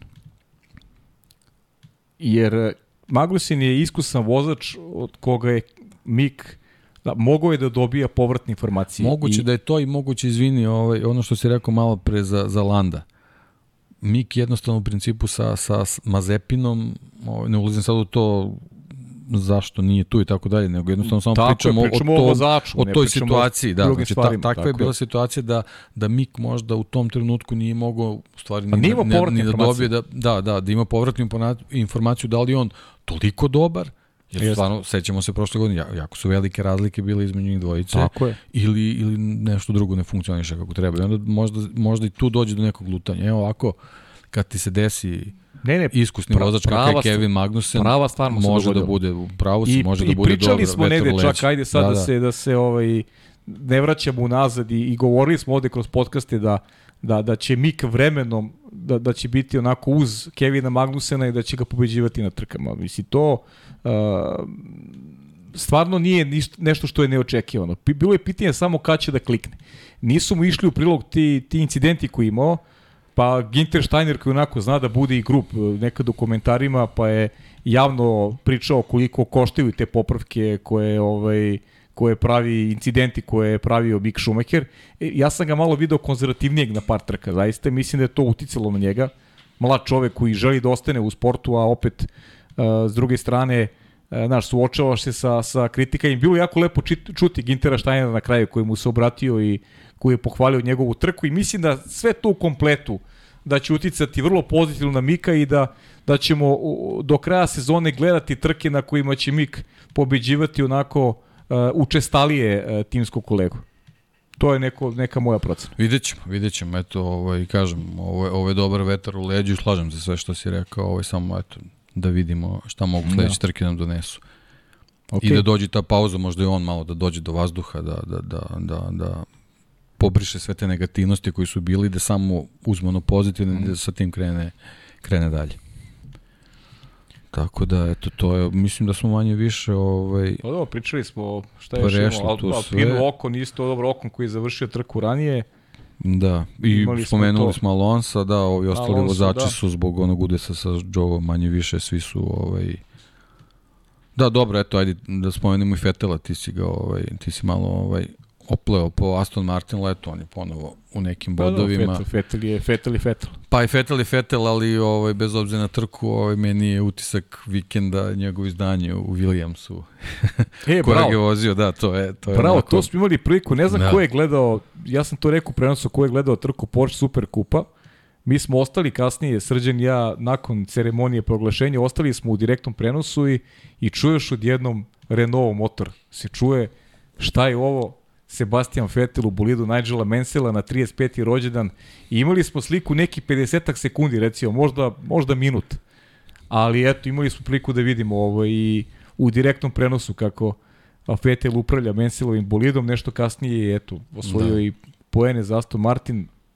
E, to je kad, znaš, kad, kad e, recimo za Vettela imaš stvarno utisak da on ovaj, izvuče i maksimum od onoga što ima. Znaš, kad ne možeš kvalifikacijama napraviš neki bolji rezultat, da sebe pripremiš kvalitetnije za trku, onda ovaj, uh, trudiš se da izvučeš najbolje što možeš. I mislim da nije lako tim šampionima kada su u poziciji da, da nisu u stvari konkurentni, a uh, o, sami od sebi imaju neka očekivanja i treba se nositi sa tim iz nedelju i nedelju. Mislim da to nije lak proces. To je nešto sa čime se Lewis Hamilton generalno posle dužeg vremena suočava u da, karijeri da... posebno kad imaš onako baš velike probleme za koje nisam siguran kako se rešavaju, nije, nije to jednostavna stvar. Nije, Ali nije. generalno ta priča sa Williamsom, sa FW 14 bi onako bila, bila dobar, dobar šlagvord za čitavu priču, posebno ono što se desilo sa Joeom ovaj, i u Formuli 2, gde ti vidiš te bolide iz nekog drugog vremena. Mislim, taj, taj bolid u tom trenutku zaista bio kompletno savršenstvo sa aktivnim ogibljenjem i tako dalje i tako dalje. Ovo, I onda ti vidiš kako onako vozač viri, viri do da, ramena da, da, bez, da. bez tad su tad, tad na kacigama nije bio Hans da o Reolu naravno ni da ne pričamo zbog konstrukcije bolida to je bilo potpuno nemoguće niti iko tad i razmišljao o tome i onda sad pogledaš ovaj ovo vreme i stvarno ovaj ogroman ogroman napredak u tom smislu je sad opet moram da uhvatim na romantiku ti kad čuješ taj bolid kad se upali, kad se taj motor zagreje, kad mm. krene, to je ipak to je, to je ipak zvuk. neko drugo vreme i to je taj zvuk zbog kojeg smo mi u stvari i, počeli svi da pratimo taj sport između, između ostalog. Tako da jako je lepo videti ovaj, te bolide po stazi, posebno kad, kad ih vozi tako majstor kao, kao i Vettel. Bilo je jako simpatično, ovaj, pošto i Mansell bio. Bio je tu, da. Mansell je dodelio tu, nagradu i Sainzu za najbrži, za najbrži klub. Jeste, i muvao se tu ovaj, sve vreme, tako da eto, jako je lepo viđati te, te stare vozače u padu, koje eto, nažalost, neki neće biti, ali dobro, to je sad To su sad neke druge politike i tu smo se dogovorili, nećemo pričamo o tome, tako da... Pa ja nemam ništa protiv, to, zato da, što ne. ja, ja delim, ovaj, delim ovaj tvoj stav vezan za, za tu priču, tako da ovaj, možemo da... Hvala možemo ovaj da se dotaknemo i te priče. Nelson Piquet u pitanju pa, i dobro, da, da, to i, je. Ovaj ja sam ovaj... pričao, to je neka priča vezana ne znam, Juri Vips, eto. Znači da. delimo delimo stavove vezano da, za da. A možeš da proširiš pošto eto možda ljudi ne znaju malo cela ta priča od Nelsona Pikea i, i njegov život i Pa dobro, da, ja mislim ono ljudi već koji prate ovaj podcast znaju, ja zaista ono on je meni onako idol iz tih dečačkih dana mm -hmm. i mhm. stvarno neko zbog koga sam i ozbiljniji počeo da pratim Formulu 1 i ovo sve što se izdešavalo ovaj prethodnih dana u toj nekoj miskomunikaciji sa Lewisom Hamiltonom je onako stvarno ispalo potpuno, potpuno bez veze i, i jednostavno nateralo me da, da, da, da pomislim da je to sve jednostavno izdirigovano i izorkestrirano da bi se na neki način skrenule neke ovaj, pažnja na neke druge teme iz meni nepoznatog razloga, ali jednostavno vidimo kako je, kad ti imaš trkački vikend sa 400.000 gledalaca i takve trke, takve imaš, ne, kakve imaš, ne znam zašto je to toliko bilo potrebno da kopaš nešto što se dešavalo, Des, da je bilo pre par dana pa kažeš ok, to je bio taj trenutak i treba odreagovati naravno i na sve takve, mislim daleko od toga da, ne, ne, jasno, da ja ne zastupam stav da, da, da takve stvari jednostavno treba potpuno iskoreniti, ali da neko ovaj kompletnu ovaj interpretaciju zloupotrebi i napravi neku drugu priču, a pričali smo, mislim, kažem, ne želim da zvuči kao opravdanje, ali Nelson Piquet je čovjek koji dolazi neko, neke potpuno druge, druge sredine, da, u vezi je sa Maxom Verstappenom zbog te cele svoje priče sa Čerkom i, i njenom vezom sa, sa Maxom i da, verovatno, uh, ovaj, ima neke ovaj, averzije prema Lewisu Hamiltonu, jer Lewis Hamilton je bio najveći rival njegovom sinu u GP2 šampionatu i tako dalje. Tako dalje, sve to verovatno postoji, pritom postoji njegova istorija onako oštrog jezika i čoveka koji često verovatno nije, nije znao ni, ni da izmeri ovaj, neke da. reči pre nego što ih izgovori, ali jednostavno takav je, takva je priroda, ali generalno sve ono što je rekao ne može da stoji da ga ti okvalifikuješ na način kako su ga okvalifikovali zbog toga što je iz te sredine gde između oslog jedan od njegovih najboljih prijatelja je čovek, čovek je tamnoput i, i ovaj, bio no. Da. mu i mehaničar od karting do Formule 3 i oni su nerazdvojni prijatelji. Sad ti da neko kvalifikuješ tako zbog, zbog nekih reči koji su pre svega loše prevedene je onako ovaj, Danas grubo, se... a potom kad krenu te, te ovaj, ta, ta neka ovaj, cancel kultura koja je krenula zabrana padoka, izbacivanje iz udruženja vozača, da. britanskih, da. to je onako sad, ali kažem, jednostavno žao mi je što je uopšte ovaj trkački vikend ovaj došao u, u, u, u, u senku toga, jer stvarno zaista nikakve, nikakve potrebe ovaj nema, posebno što, što znamo i, i, i ta organizacija Formula 1 u kom smeru ide i na koji način se si organizuju trke, tako da ti imaš stvarno onako ovaj, jako, jako velike kontraste, da, da ne, ne upotrebim neki, neki grublji izraz i mislim da, da takve stvari, da posebno gde se sve na, nadoveže, da sad ne širimo priču, da je, da je nekim Hamilton nekim svojim izjavama u priču o, o Piqueu ubaci Bernie Ecclestona i Jackie Stewarta, znači trojicu ljudi koji su između ostalog svojim angažovanjem u Formuli 1 u nekim ranijim periodima doprinili da današnja Formula 1 bude ovaka kakva jeste, između ostalog i bezbedna uh, na način kako smo videli u, u Desu Džova da, da, da jednostavno ono, kao oni više nisu potrebni, to je Formula 1, nego mi idemo u neke druge smerove, to mi je onako stvarno ne znam, neprihvatljivo, ali, da. ali ovaj, dobro, eto kažem, meni, meni je drago da imamo taj trkački vikend koji na sportski način pokazuje ovaj, kakva Formula 1 može da bude eto, ja samo mogu da se nadam da će, da će u budućnosti takva da bude. E, sad ako krenu nekom drugom pravcu, onda ćemo da vidimo kako ćemo to da pratimo. Ovaj neću reći ništa tu temu jer ovaj potpisujem sve što si rekao tako da ovaj slažemo se, slažemo se apsolutno vezano za za celu stvar. Hvala ti što si mi dozvolio da kažem. Pa, Iako mislim, sam se trudio da, da, da izbegnem ovaj čitavu temu. Pa, mislim da. da treba reći ovaj, sve, sve teme obrađujemo tako da nema nema ovaj nema iza čega da se krijemo, nema nema potrebe, imamo svoje mišljenje vezano za za sve teme, često u ovom podcastu i polemišemo kad kad se ovaj ne slažemo, kad su nam mišljenja drugačija i sve sve to rekao bih ljudski normalno, ali ne izbegavamo da pričamo o bilo kojoj temi, tako ni ovo, jer bilo je pitanje vezano, iskreno ti kažem, ovaj, da, da šta mislimo apropo cele priče, pa evo, Deki je rekao, a, a ja kažem, slažem se od reči do reči, pa nemam, nemam potrebe ništa da nemam potrebe ništa da dodajem. Da li smo nešto propustili, ajde, sad pokušajmo da se vratimo na trku, jer bilo je zahtjeva ovde, bilo je pitanja da, da, da, da, ih, da analiziramo uh, bukvalno, kaže, imate prosto da analizirate iz kruga u krug, pa I imamo, ali nam fali konferencije, znate, fali vrlo dobro ko nam nedostaje. Tako fali da, nam Srki naš. Nemojte da, da nemojte da zamerite ako ovaj, da negde štucamo, da. Srki, imaš neko pitanje, Srki, javi ako nešto nije, ti nešto da. nije jasno. Nema pitanja. E, ne samo da vidimo, Srki, imamo o, Vanja, ovo TRY, to je turski ril, je li tako? 849, 850 turskih lira, samo da vidim, pobeglo mi je, samo trenutak.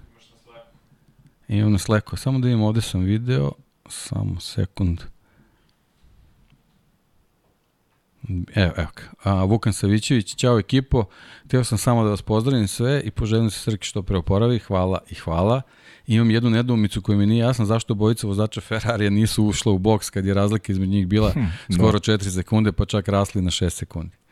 Pa ne znam, prošli smo, ali u principu nismo, ovaj, ne možemo mi da uđemo u glave taktičara Ferrarija da, da znamo zašto to nisu radili. Pozdrav Vukanu, da. veliki. Nadam se da futbol ide dobro. Da. Ne znamo, ćeš ti, šta misliš? Pa, Zašto nisu? Pa, stvarno, ja bih volao to da znam. Ja bih volao to da znam i volao bih da, da imam priliku da razgovaram sa Matijom Binotom. Svašta bih ga pitao. Kažem da. ti, ja eto samo mogu da pomislim da je možda bila računica da, da, da te ovaj, uh, meke gume neće izdržati do, do samog kraja i možda su računali na tih 10 bolida prednosti. Aha, misliš da je... Da, misliš... jel, jel to se kasnije se pričalo o tome, znaš, tako da... da. Misliš da su pričali sa Saincem o tome, rekli mu drugi put da...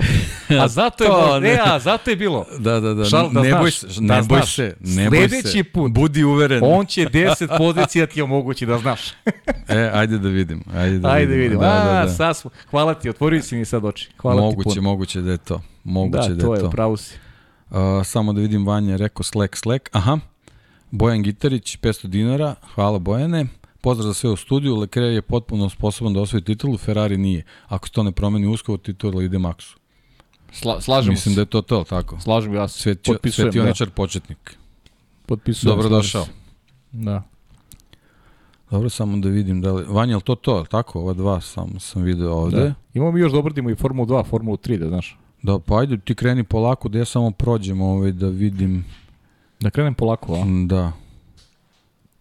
Formulu 2 smo dotakli već vezano za, za pa te, dobro, te udese. Da, kroz, da. da, kroz onaj udes između Denisa Haugera i neverovatno kako dvojica vozača koji su imali prvo kontakt, uh, mislim da je prednje desna, prednje desna je, je stradala kod Denisa Haugera i on je kasnije nije mogu se zaustaviti u punoj brzini preko ivičnjaka naletao pravo na, na, na, na bolid uh, Rojan Sanija i bukvalno se zakucao negde u, u predelu glave. Ono, ono, ono stvarno izgleda nadrealno. Slika koja nestaje i dobijaš posle 5 minuta vidiš obojci izlaze iz bolida, nešto pričaju i kažeš ono, baš osjetiš ono olakšanje jer, jer jezivo je izgledalo. Baš izgledalo jezivo. To je, eto, bilo uvertura ono što se dogodilo kasnije u Joe, eto, zato smo i negde i nekom da, konceptu nekako, emisije. Kad krene vikend tako, da, krenu, krenu neke ludilo. serije, neverovatne stvari. Da, sreća, sreća stvarno da se, da se sve završilo kako se završilo. Da. A inače generalno u plasmanu ovaj Drugović je dalje tako. Da, vodi. Drugović je da. Drugović ima ima prednost i to veliku 42 poena, mislim da je sada razlika između Drugovića i Teja Puršera. Teo Puršer vozio bolje onu glavnu trku. Završio na drugom mestu, Drugović je na kraju bio četvrti jer je u posljednji, bukvalno u posljednji krivini uspeo da, da dođe do četvrtog mesta. Da, nije, mu pr, nije mu prvi put da, da u poslednjim, da. U, u, ono, u završnoj fazi trke. Sjajno, sjajno ovaj, čuva gumi, da, sjajno da, čuva gumi, da. uvek je dobar u završnici trka, iako mislim da vozi malo konzervativnije, to je ovog vikenda očigledno da razmišlja o tituli i da mu je bitno da skuplja poene, i, ali I stvarno je fenomenalan. I Pričali smo, on jest. nije, nije moma koji može da se razmeće sa budžetom, mislim, ima, ima pristojan budžet, ali nije to situacija da, da može baš da ide na sve ili ništa. Da. Da. Tako I, da, ili, evo, da. Za, za sad ovaj, taj recept nije loš. Nije loš, tako da. je, nije loš. Tako da, dobre trke, ali moram priznati da su mi interesantnije bile u Formuli 3. Bilo je više duela, ako baš baš lepo trkanje, pogotovo ta glavna trka u nedelju, mislim da ona bila lep, kvalitetnije od Formule 2 i od Porsche Superkupa. Porsche Superkupa u suštini to je već rešeno na početku. Kako je sad za, za Austriju? Jel, jel, ima ima jel Porsche imamo, Super, imamo sve. Sve imamo, da. da. Imamo sve u Austriji, i Porsche, A, i to je super, i super dvojka, za sve da. koji idu tamo, ovaj, biće, biće da, zanimljivo. E, pa da, da, tu su nam momci, došli su nam drugari u posetu, idu u Austriju i preneće na moje utiske kad se budu vratili i mogu da gledaju sve. Ima i ova Formula W koju sport klub ne komentariše, ali i ona se održava. Mada tu je već rešeno prvenstvo. Da, da, da. Čedvikova već Čedvik ima je tu, četiri ovaj... pobedi i četiri trke, tako da to je priča završena. Da, klasa je za ostalih stvarno je možda i zaslužila da je vidimo možda u nekom šampionatu Pa pogotovo momcima, ove godine, bi ove godine lepo, kako da. vozi, pošto je konkurencija, konkurencija je mal, manje više identična, osim Sidorkove, sve su devojke tu od ovih glavnih i ona je pobeđuje redovno, tako da dokaz Mogla bi da, da, Latifija, da, da, da. Mogli. Pa dobro, da, ona je generalno povezana sa Williamsom. Pa jeste, tako da, da. Tako je, ona je povezana sa da. Williamsom akademijom, da.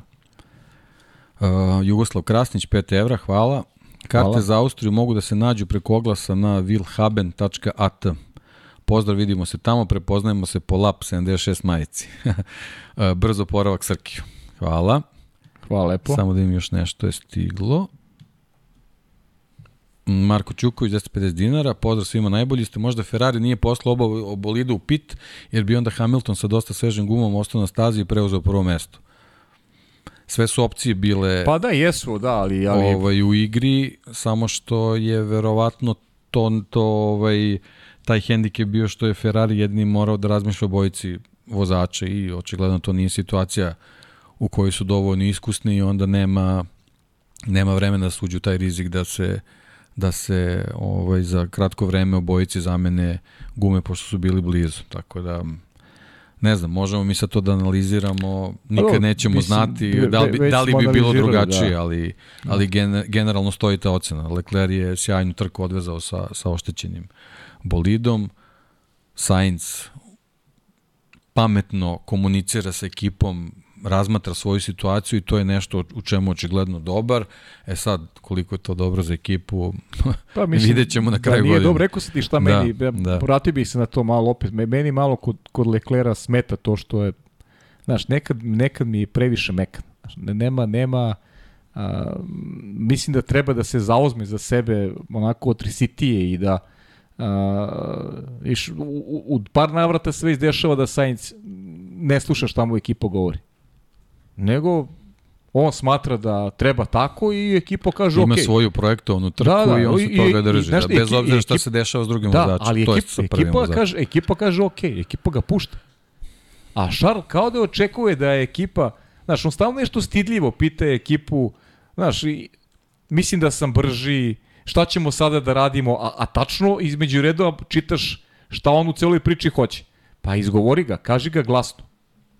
Kaži ga glasno, budi malo otresiti. Da. E, nemoj da čekaš da te ekipa da te ekipa vodi jer ekipa bi trebala da, da, da bude ovaj uz Charles Leclerc, ali očigledno, očigledno da to nije slučaj. Da, ali seća se kako je bilo ovaj, i Alonso kad je bio u, u Ferrariju, da, kad, je, kad je ta španska linija bila kako je bio brži od mase. To ti je mm. isto to. To je jednostavno to su, to su neke stvari koje Ferrari u svojoj strukturi mora da mora da, da savlada, a očigledno da tu mora da dođe neko, neko mnogo ovaj, agresivniji, da ne kažem neko popuđa na to da, da, bi, da bi svako mogao da dođe na poziciju na kojoj je potrebno da bude. I to je u stvari ovaj, odlika vrhunskih menadžera. kao i u svakom poslu. Slažem Tako se. Slažem se. ima tu, ima tu još mnogo da, da se radi da bi se došlo da, do toga da možda kaže da su, da su apsolutno konkurentni. Uh, pitanje sa Patreona, izvinjavam se, ovo sam, Ajde. ovo sam propustio. Da žena ne sazna. Opa. Kaže ovako, ćao svima.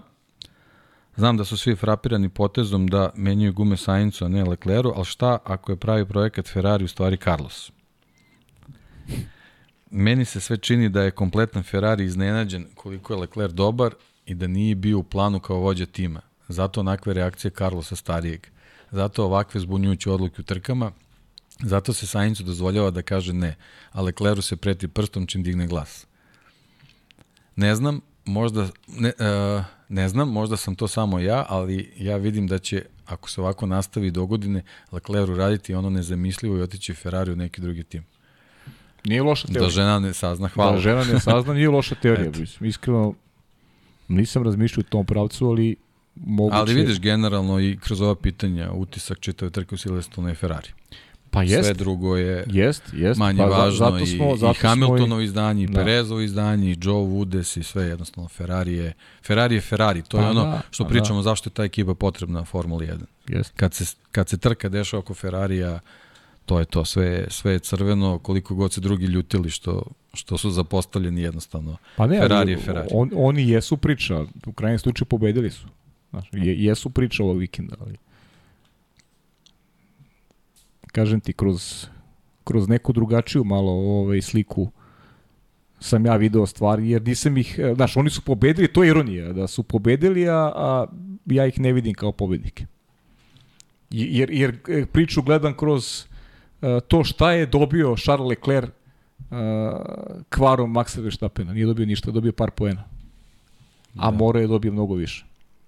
Tako je. Jer- morala, morala se iskus, i- da se ovaj, iskoristi ta Tako je. situacija. Carlos Sainz ne može da po- pobeđuje Maxa Verstappena na stasi. I to je ona priča sad, da li je to bila uh, ko je to trka? Da li je to bila prošla trka? Ili je ovde bilo? Ne, ova trka, pa čekaj, to, to sam zaboravio. Carlos Sainz u nedelju, koji traži od ekipe da mu uh, Charles Leclerc da DRS da bi se obranio od da bi se obranio od Luisa Hamiltona. To je sad bilo u nedelju. Tako je. On traži, on traži DRS od Leclera. Lecler ti je pobegao 4 sekunde. Kako koji on DRS da ti da? Ne možeš da pratiš ti uh, Charles Lecler. Pa Znači, to su, to su on, sve... On otvoreno da. traži DRS da bi se obranio od, od To su od sve Lewisa momenti Hamiltona. koji, koji daju za pravo da razmišljamo o tome kako je u stvari struktura unutar. Ferrarija vezano za poziciju obojice vozača. I sad to ono kreće, kreće sa punica. To je u stvari ta priča, umesto, umesto da se koncentrišu na, na, na svoje izdanje, da, da, da, da ih dočekamo u, u ono 1-2 u, u pobedi, da, da vidimo dva Ferrarija kako idu stazom iz trke u trku, mi dolazimo do ovoga. Tako da, Rado Šimić, 250 dinara, ukoliko Mercedes ne ubedi Hamiltona da imaju bolid za sledeću sezonu, on ide u Ferrari. O, pa dobro, ovo je sad. dobro. Da, stara priča. Dobro, da, da, da. Svi bi voleli jedan dan da odu Ferrari. To, je, bi- to bi bilo onako da se zaokruži karijera, ali ne verujem da svi mogu to i da ostvare. Pa teško. Ne znam baš kako ovaj... Tako da, ne znam. Ne znam Mo- možda, mislim, možda kako je može rekao, da deluje, da, da žena ali- ne sazna Da, ovaj, da, Hamilton da, da. i Sainz ovaj, u Ferrariju, a Leclerc da ide onda u Mercedes, šta? Pa vidi to sad, sad kre, kad krenemo s tim da se ovaj upetljamo, možemo do sutra. Bukvalno. Tako da, dobro, ovaj, smo, jesmo završili sa, sa trojkama, ili imaš još nešto? Pa ne, ja sa trojkama imam, imam, znaš, jedino čega bi se još malo dotakao ovaj, je NASCAR. Mhm. Opet se vozila jedna trka, uh, mogu bi samo da ukucaš, molim te, da me podsjetiš ovaj, ko je pobedio. Dok ja ovaj Šta, šta su vozili? Da. Vozili su, vozili Road su America, neku, to bilo, da, ne? vozili su neku ovaj a, trkačku stazu. Vozili su trkačku stazu i ono što je interesantno, to sam video podatak. Pobedio je neko prvi put u karijeri. Redik, Redik. jel? Tyler Reddick da, je pobedio, Reddick, bravo. Da, Tyler da. Reddick je pobedio. Chase I- Elliott je bio drugi, Larson je bio treći, Chastain četvrti, Suarez peti. E, ono što je interesantno, Tyler Reddick je 13. različiti pobednik ove sezoni. To je znači 13. vozač koji će ići u play-off I šta je još interesantno za, za ljude koji vole NASCAR, znam neki koji prate, da je prvi put posle 50 godina da imamo petoricu debitanata koji su pobedili. U stvari, e, momke koji su istoj sezoni prvi put slavili. Prvi put posle 50 godina. I, i stvarno je specifična sezona, evo već činjenicu da imamo 13 različitih pobednika, ti u stvari tražiš još tri mesta u play-offu. NASCAR favorizuje pobede u trkama, tako da može da se desi da neki šampioni koji još nemaju triumf, poput recimo Kevina Harvika, da uopšte ne prođe u play-off ako do kraja regularnog dela a, dobijemo još tri različite pobednika. To bi bilo 16 i ne da se isto i NASCAR ikada dogodilo da, da 16 različitih pobednika idu direktno u play-off. Tako da evo, to, da, da, to je zanimljivo dobra ne, pozivnica da, se gleda, da, da. Bravo, da, isto, jedan da, da. neverovatan podatak, stvarno, tako da je, eto, interesantno je, ako ništa drugo, eto, iz te perspektive pratiti, jer, pazi, pet e, vozača koji su prvi put povedili u karijeri ove godine, što je, eto, kažem, posle 50 godina podatak je onako za, za, da.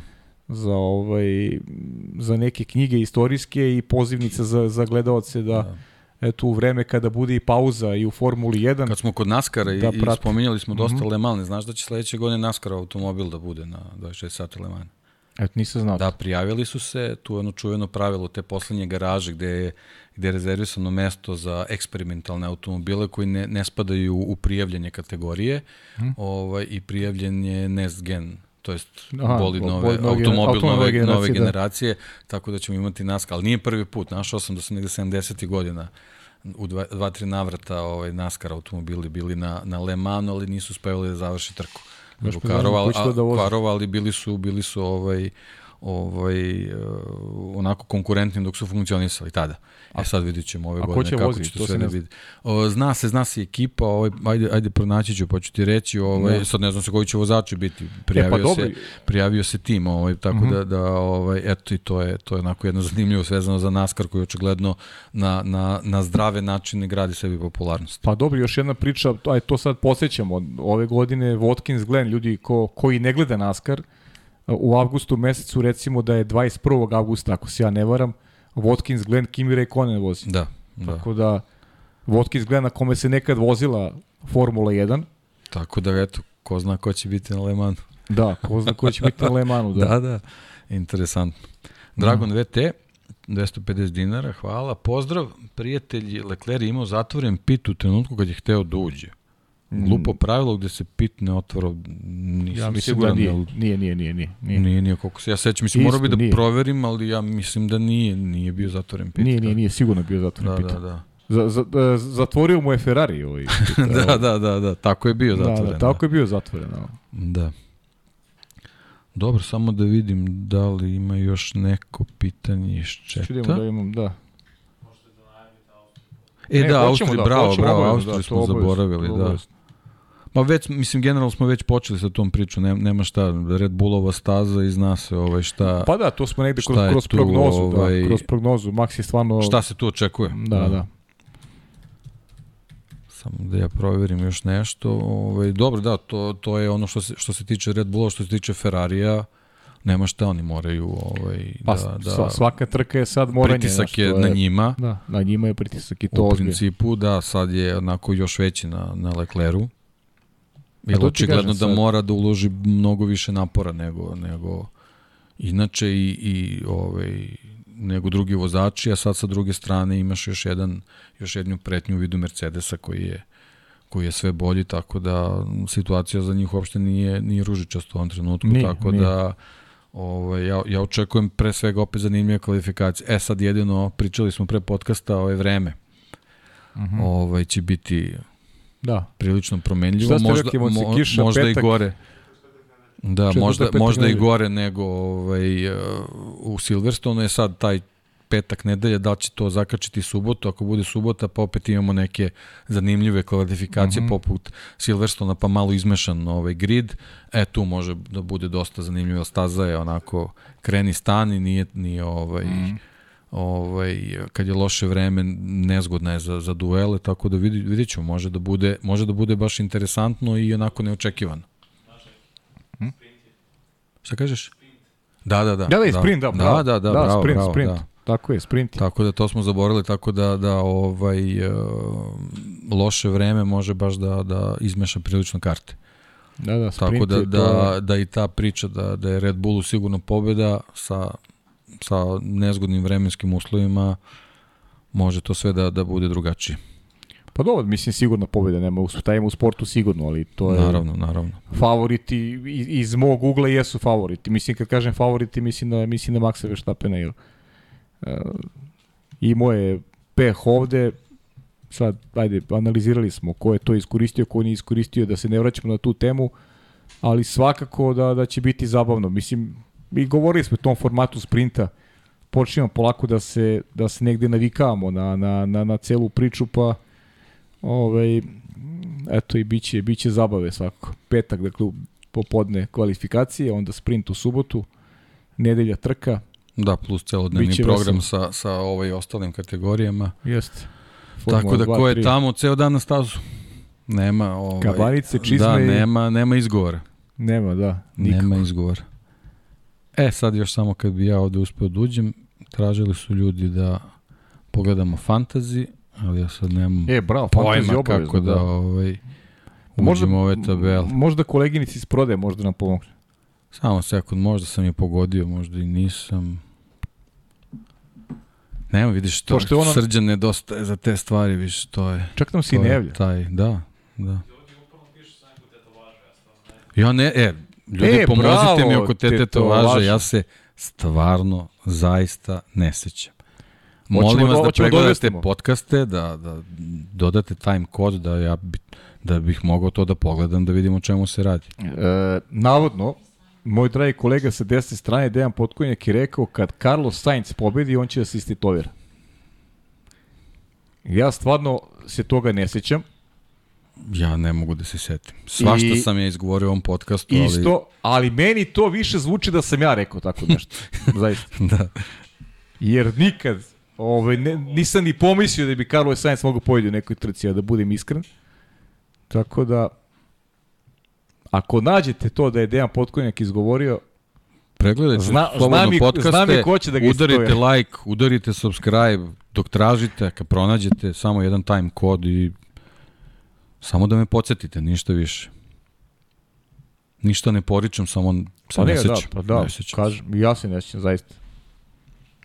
Jel ovde gledam poredak? Jel ovo? Ja, čoveče, samo, samo da vidim. Ja sam 733. Padam na Ne mogu sve da se snađem ovde, nemam pojma. Da li je ovo dobro? Mr. Larbo, je to? Je li to? Mr. Larbo je prvi sa 2153 poena, tim 1 Luka je drugi sa 2111, tim Supernova, Aleksej treći 2090, Nataša Lab 76, tim 2074, Kal tim 1 2064, još jedan tim, dobro, to se sad tako, Osbert čini mi se 2059, svašta ovde ima, ovde ima dosta, 4367 timova ima. Toliko imamo u F1, Da, da. svaka čast, pa ja sam tu negde na začelju, potpuno. Samo da probam da nađem to. To je ovde, verovatno, moji timovi, pa da, ja imam hiljadu i po poena, da, ja sam Koji si? Pa nemam pojma, samo Pohvali da vidim, se. samo da ma, nema tu hvaljenja, samo da pronađem. Možda dobiješ medalju neku. Možda, možda, ima i za to medalje, Ima, ima. sigurno. Ne, bolje da ne tražim to. Srđan se bolje snalazi u tome, molim vas, sačekajte Čekajte, koleginici da nam. Srđan vrati, pa će on to da, Evo, stižu da sve lepo Srđan je. Aha, e, 3224. dobro, Znači, 3224. Pa to je blizu, blizu medalje. Blizu. To je... Ima Sainca kao turbo. Sainz mu je, tu, Sainz mu je turbo vozač. Oho, A vidiš. kako je onda ovako slabo plasiran? Pa nije bio je 3700 neki. A, pa viš da napreduje. Srki, bravo, Srki. Ima, i Šumahira, da, on ima i Šumahira. Pa ne, on je dobar vikend ima onda. Ima nekog Cunodu. E, da, ima i Cunodu, jeste. Ima i Cunodu, da. Dobro. Ja sam 733, ja imam Botasa. O, bravo. Imam Botasa, to To je, je, to je, Gaslija. to je sam vrh. Gaslija imam. A dobro imam, imam čeka, imam čeka, imam uh, Leklera. I šta još imam? Koleginici se prodaje, ko mi je još tamo vozač neki, treći? Zaborio sam. Dobro, nije ni važno. Uglavnom 733 sam. Eto.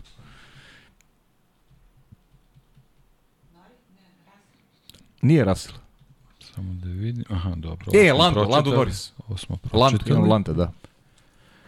Ja imam Verstappena, Pereza, Leclera koji mi je turbo vozač, imam Gasly i Magnusena i samo mi je Gasly mi je minus 6 bodova ove, ovog, A, ovog Gasly, vikenda konstantan bio minus. i da i kao ekipu imam Alfa Romeo, tako da to je bilo loše ove nedelje. Ali dobro. Da, da, ti si se fokusirao na, na dobre Ja vozače. sam se fokusirao na sledeću sezonu. Na, na, pa da, ti si ko Mercedes. Ja sam to završio, tako da to je to. Ti si ko Mercedes, znači Da. sledeće sezone. Sledeće godine u ovo vreme. Tako je, tako je.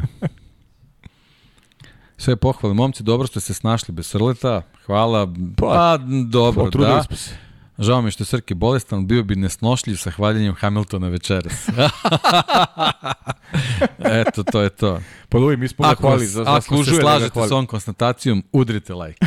Eto, ja ne, ne znam šta bi drugo rekao. Pa ljudi, mi smo hvali Hamiltona, Hamilton je to zaslužio, stvarno dobro, dobro trka, šta to nije. Deki je rekao u lapu 19 da će Lance Stroll osvojiti pol poziciju. Lap 19 je bio prošle godine. Je li tako? Pa je li osvojio pol poziciju? Ne. U Turskoj. Kad je to bilo? A to je bilo, ne, kad je to bilo? Je li prošle godine? Ha, molim lepo. I? Jel obećate to važno Pa neko ne, ili? pa ne. Deki nije pravio tim za titulu, nisam Ko pravio zna, tim ni ko za zna šta. je Deki rekao za Sainz? Ko zna, da, da, da. Isko- Samo pronađite, ne, Iskopa- ništa protiv. Iskopaće te bili. Da, nemate puno ovaj epizoda, lako ćete to da Ba pronađete. da, šta je to, 215 za ovako ide. Po 3 sata i kusur. A da, to lagano se nađe. Samo da vidim. Beži mi ovo. Jeste komentirali kaznu za Nisanje? Pa samo smo ovaj spomenuli, on je Da, dobio da, pet da. mesta Pet za mesta, sledeću trku, a vidim da, da se, da se ovaj prilično ovaj, određene strukture bune i misle da je, da je trebao dobiti ovaj drastičniju kaznu, ali opet to smo pričali, to su onako Pa- malo, malo čudni kriterijumi. Jesu, čudni u kao... FI, Da. A i bilo je i za Vipsa, za Vipsa se pojedini vozači ovaj, bunili što on uopšte vozi posle, ovaj, da. posle svega i nema onog kombinezona Red Bulla. Da. Čak u ovu drugu trku nedeljnu nije loše ni vozio. Da, dosta su njegovu ekipu na, napali ovaj, zbog njihove Da. odluke da ga, da ga zadrže u ekipi, ali ne znam, ja nekako delim mišljenje spajam. Mislim da bi prestrogo bilo da se, da se bukvalno karijera dečku ovaj, Jeste. Ja moram kažem, Poenta je, poenta je da se razgovaraju i, i da se vidi da li je shvatio svoju grešku, a, A, naravno. najlakše je nekoga ovaj, eliminisati u kolektiv. eliminisati u korenu, da. Tako da, Da. Kad bi prema nekim stvarima koje su mnogo ozbiljnije svet bio onako rigidniji, mislim da bismo bili onako bolje mesto za život generalno, a ne sad ćemo na nekome Juri Vips će da promeni ovaj čovečanstvo. Mislim da je pričali smo o tome, ajde sad da, da, da, se, da ne mešamo ovaj, neke stvari koje su bili u prošlom podcastu. Mislim da, da je previše oštra kazna za Jurija Vipsa. Ali dobro, to je samo moj stav. Da. Što se tiče Nisanija, pa nema šta, mislim, videlo se velika agresivnost u odbrani u odbrani pozicije i jednostavno kazna je onako prilično blaga i mislim da je, da je trebalo da bude drastičnije, ali sad u kojoj meri znamo da, da, da je u prošlosti bilo dosta situacija gde su vozači ok- okarakterisani kao, kao opasni, bilo i suspenzija, mm. i sličnih stvari. Sad, da li, je, da li je samo da nekoga za sledeću trku po- pomeriš par mesta za, za ovakav incident, mislim da je malo ovako, ovako najblaže rečeno. A koliko je drastično trebalo da bude, to trebaju ljudi ovaj, koji, koji se bave a, tim delom propisa i, i, i sankcija za, za takve situacije da, da, da, da, ovaj, da propišu malo ozbiljnije i da se malo ozbiljnije pozabave tim. Da, slažem se. Da, posebno što Roy Nissan spada u grupu vozača ponovo ovaj On čovjek vozi u, Formulu 1. pa da to je to je neka neka ta grupa ovaj koja koja se generalno ovaj na, na, na, na gridu i ne voli puno zato što jednostavno dolaze tu zbog velikih ovaj, sponzorskih paketa i, i lako na, nalaze svoje pozicije, onda kad se ovakve neke stvari dese, onda budu dodatno pod lupom, međutim, evo, ovaj, imamo i situaciju da može da bude i obrnuto, jako, jako ovaj, opasna situacija, pre svega on je mogao žestoko da nastrada, ovaj, da nije bilo oreola, tako da mislim da je da i kazna trebala da bude drugačija. Ali nadam se eto da, da to što mu se desilo da će njemu biti pre svega nauk da, da ovaj, nije sve život i smrt, nego da jednostavno u nekim situacijama moraš da budeš malo i, i, i, ovaj, i pametniji i da, i da misliš glavom i, i o sebi i, i o drugima. Tako da ovaj, eto, srećem je to sve dobro prošlo, pa će on možda da izvuče pouku, ali što se tiče same kazne da to završi, mislim da je, da je smešna i da apsolutno ne znači ništa. Mm. Tako da, eto, to je to. Je to. Ima ovde neki poruk još, pozdrav za Roberta iz Slovenije. Pričali smo o, slažem se negde s tobom, potpuno vezano za, za Ferrari, da sad ne čitam poruku, pošto ovaj, ima tu nekih ovaj, reči koje i nisu za, za javno emitovanje, pozdrav svakako. Uh, Nusmir takođe, opet, sve, sve je vezano za, sva pitanja evo, koje sam ja dobio su vezana za, za Ferrari, za Leclera, za Sainca i verujem da je i kod tebe ista situacija. A da, da, da. Bukvalno, Tako da to, je, ovaj, to je opšti utisak vikenda. Pa da, generalno ti incidenti koji su se odigrali i u Formuli 2 i u Formuli 1 i Helo koji je spasio bukvalno živote dvojice vozača i naravno imamo uh, priču Ferrari. Ovo sve ostalo je, znaš, koliko god recimo da je, znaš, mi pričamo o, o, o Pehu i uh, Charles Leclerc, generalno jedan od gubitnika trke i Max Verstappen, realno, ajde da, da budemo iskreni.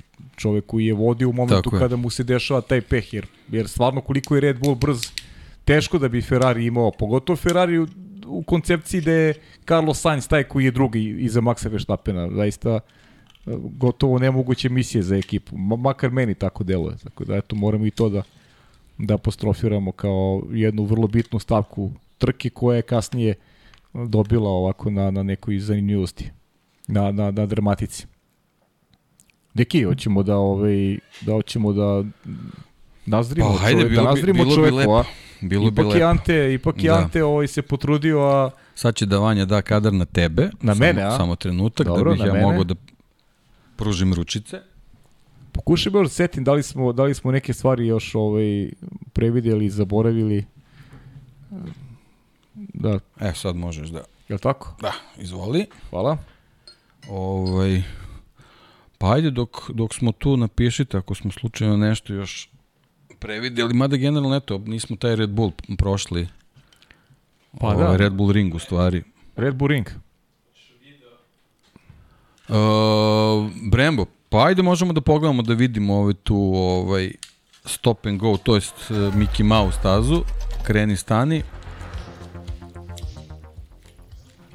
Da, ovo je staza. Da, imamo 10 krivina, 7 kočnih tačaka, Znači vidimo da tu da se ne koči ovaj nekom specijalnom silom, znači imamo ovaj 1 2 3 znači 5 od 6 podeoka vezano za za silu kočenja, maksimalna brzina na stavtom pravcu, znači 312 km na sat, sila kočenja 143 kg na, na pedalu, koja oslobađa energiju 2518 kW, zaustavni put u 102 metra, 1,80 sekundi uz 4,7 G sile negativnog ubrzanja, tako da to je ono što smo što u principu već i znamo o, o toj stazi ovaj kratki su pravci, imamo nekoliko mm -hmm. ovaj zona uh, za obilaženje, tako da može da bude prilično interesantno posebno ako se radi o, o, o situaciji gde ćemo imati promenljive vremenske uslove. To smo već rekli, tako da ova najava govori da stvarno može da bude da bude situacija sa nepredvidivim ovaj vremenom, posebno što to nije sigurno baš to četvrtak, petak, nedelja, može to malo i da se i da se promeni i biće nezgodno ako ako ovaj dan za pripremu bude sasvim drugačiji od, od dana koji slede, tako da biće tu ovaj posebno za manje ekipe dosta dosta poteškoća za za pripremu. E, a pazi, ima još nekih ovih vesti koje, koje možemo da prođemo. Mislim, mi ljudi ne žurimo nigde, nego prosto a, smo ovaj, absolvirali temu trke, a Spa, deki, Nedostaje nam konferencije, ja ti Konferenci- lepo kažem, Spa. to je problem. šta- ćemo sa pričom da Spa da bi mogao Spa od naredne godine da ga nema u kalendaru? Pa znaš To, kako, to, je, to je jedna od priča koje su postale vrlo aktuelne. Jest. aktuelne Jeste, od, nije, od nedelje. ali znaš kako, nije, nije prvi put da, da Spa neće biti u kalendaru, ja to tako gledam. Ovo, jednostavno, ovo je sad neka, neko, neka nova filozofija, neko novo vreme za, za Formulu 1. Očigledno da te neke stvari koje su o, koje već sad spadaju u tradicionalne ovaj, u ovoj Formuli 1 više nisu toliko bitne, gledaju, gledaju se neki drugi parametri koji, kojima se ovaj, jednostavno gradi taj, taj čitav šampionat. Još od pre nekoliko godina ovaj, znamo da, da je generalno SPA staza koja ima dosta financijskih poteškoća Jeste. da da ovaj da opstane i da i da preživi mislim Formula 1 donosi dosta profita međutim znamo svi da ova situacija i sa sa koronom jednostavno poremetila planove mnogih onda u Spa je onaj desila se i ta da- tragedija Tako je. tako je ovaj prošle godine da je gospođa koja koja je bila direktor čitave čitave priče i vrlo dobro vodila tu Mhm, stazu i da jeste. je izgubila život u, u, u tragičnim ovaj, Jeste, okolnosti. okolnostima, tako da i to je verovatno uticalo na to, a vidimo da, da pregovori koji se ovaj, u, u ovoj eri Formula 1 vode za, za dobijanje mesta u Formuli 1 su onako prilično brutalni i jednostavno novac je taj koji, koji određuje sve, bitka za, za televizijska prava, za, za, za neka nova tržišta, jednostavno to je ono što je ključno, a te staze koje donose ovaj, neko uzbuđenje i, i, i, i- neku dozu uh, povratka u ta neka stare vremena jednostavno više nisu nisu toliko bitno, tako da, da mene, mene ne bi ni čudilo da, da u, u- nekoj budućnosti na sličan način pričamo ili o Monci ili o Monte Carlo, a znamo da, da, Nažalost. da se te, te ovaj, priče ponekad spominju. Uh, Bernie Eccleston je svoje vremeno Silverstonu pretio da, da neće više biti u kalendaru. Silverstone jedno vreme ni, ni bio, Brands Hatch se vozio Jeste. o, kao velika nagrada Velike Britanije, tako da dešavaju se te turbulencije u Formuli 1, ovaj, ali eto, ja, ja sam onako uvek gledam to s neke optimističke strane i nadam se jednostavno da će, da će ti ljudi koji vode tu organizaciju shvatiti da jednostavno neke stvari moraju da budu tu da bi, da bi neke, neka, neka baza navijača koje je već decenijem uz Formula 1 tu i ostala. Jel, jel ako se sve te stvari potiru, na kraju će se doći do, do, do nekog sintetičkog šampionata koji mislim da ni Formula 1 nije potreban. Imamo i priču vezanu za, za testiranje novog formata kvalifikacija. Dakle, naredne godine ćemo na, na dve trke imati a, kažem baš taj, taj novi test. Kako to izgleda onako a, prosto rečeno, dakle u Q1 bi se vozači bili na tvrdim gumama, u Q2 na srednje tvrdim i u, i u Q3 na mekim gumama i to će sad biti neki neki test, ne, još se ne zna na kojim stazama će taj test biti sproveden, ali eto, to je nešto, neke eto promene koje se najavljuju za, za pre svega tamo 2024. godinu, pa imat ćemo priliku naredne godine da vidimo kako to izgleda u praksi. To je još, eto, još jedna vest koja se pojavila Da. upravo u Silverstonu i onako obelodanjena je. Pa dobro, da, eto, to su neki eksperimenti koji trebaju da, Da. da dovedu do te neke dinamike, neke neizvesnosti, eto ja, ja i dalje nisam nešto pobornik ovih sprint kvalifikacija, ali eto, oni polako da. dobijaju svoje mesto i neki svoj život, tako da eto, to su jednostavno stvari na, na koje ne možemo da, da, da utičemo. Da. Tako, ne možemo da je- utičemo, a vidjet ćemo Da. kojom dinamikom će to izgledati naredne godine kada, kada pričamo o sprint kvalifikacijama. Evo nam prilike za vikend. Neki će to i uživo da gledaju, a, a mi ćemo da ovaj, pratimo pored Tako je. malih ekrana i Nika sa nekim entuzijazmom to. Neko, znaš, znaš kako gledam, ne znam kako ti deki to, nemam neku, nek, neku energiju pozitivnu, ne, ne, nešto, nešto mi ovaj, cela priča ne donosi neko uzbuđenje koje, koje se kao očekuje. Znaš, e, pogotovo te trka, u stvari, sprint kvalifikacije. Znaš, sa izuzetkom Luisa Hamiltona prošle godine ti u suštini ne znam da smo videli par obilaze, obilaženja za, za, za sve to vreme. Pa Vidi, generalno, mislim, jako je, jako je nezgodna priča uh, da ti u, u, u vremenu kad, kad praviš ograničenja vezana za, za, za budžete, ovaj, i generalno potrošnju novca, želiš da dobiješ neke trke, ja to nikad nisam zvao trke, uh -huh. mislim to su sprint kvalifikacije gde sad možeš da, da, da očekuješ da će biti neki rizik. Jednostavno ekipe su toliko ograničene u, u razno raznim faktorima da apsolutno nikome nije nikome na pamet ne pada da da ovaj u sprint kvalifikacijama uh, nešto uh, želi da preduzme osim ako ako ne misli da na taj način može da, da, da, da stekne neku, neku, neku poziciju koju do tom trenutku nema. To, to apsolutno tih 20 vozača, možda dvoje, troje u određenom trenutku može da, da razmišlja o tome. Mislim, evo, mi smo i u prošlom podcastu čini mi se pričali o tome da je Alfa Romeo tek sad rešio problem rezervnih delova da konačno može da uđe u trkački vikend, da bukvalno od prvog dana ne razmišlja u slučaju da se desi incidenti kakav se između oslog i Joe desio, da će u stvari moći da, da generalno pripremaju bolide za, za, za trke. Tako da, mm -hmm. jako je teško da, da ti u takvim uslovima očekuješ da će sad tu 20 vozača ići na neki rizik ili ne znam šta. Mm -hmm. Tako da mislim da, da, da, da taj format nije ovaj, po meni nešto spektakularno interesantan, no, i osim te neke te neka dva, tri eventualna duela tu nemamo ništa specijalno da očekujem. E, pazi, još jedna stvar koju, koju nikako ne smemo da zaboravimo, a mikrofon će opet prepustiti tebi, a, e, zato što sutra, koliko znam, neće biti, tako, ovaj podcasta, je tako? Pa za sad je tako, ali hajde da sutra ćemo obavestiti da vidimo ovaj, ali, kako će ta čitava priča da, okay, da se razvije. Ali bi, da. bismo mogli da, ovaj, da se dotaknemo teme koja je vrlo aktualna, vezana je za, za Banjaju i da. ono što mu se dogodilo na Ibici, ja sam imao prilike da vidim na gazeti, ti si već imao informaciju, tako da, da. eto, prepustit ću tebi da je Pa da, je da ne, mislim, ovaj, momak je na Ibici odmara i imao je saobraćenu nesreću mm. i posle ovaj, dolaska saobraćene policije i uviđaja ispostavilo se da ima alkohola u, u krvi, što bez obzira koliki su promili u pitanju, jednostavno ovaj, kad si osoba koja se bavi poslom kojim se baviš i javna si ličnost, jednostavno sebi to baš ne smeš da dozvoliš, mislim jednostavno nezgoda je, ali, ali onako za, za reputaciju i, i generalno za, za, za tebe kao, kao osobu, posebno za Banjaju koji je koji je slovio, mislim može se kaže i slovi za, za konkurenta za šampionsku titulu u jednom ovaj, vrhunskom šampionatu, to je onako baš baš loše i, i, i nedopustivo, kažem, bez obzira o kakvim se promilima radi, tu, tu nema sad licitacije da li je to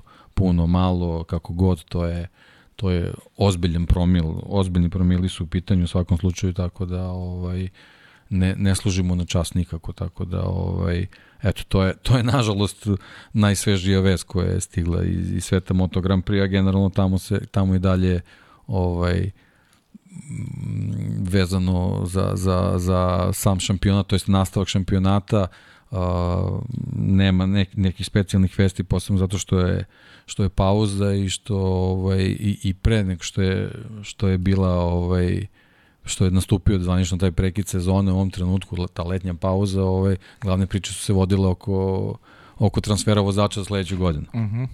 Tako da za sad nema nema nekih novih vesti, eto, ove, ovi što dolaze ovako više tabloidni, kažem, eto, ne, ne služe na čast akteru.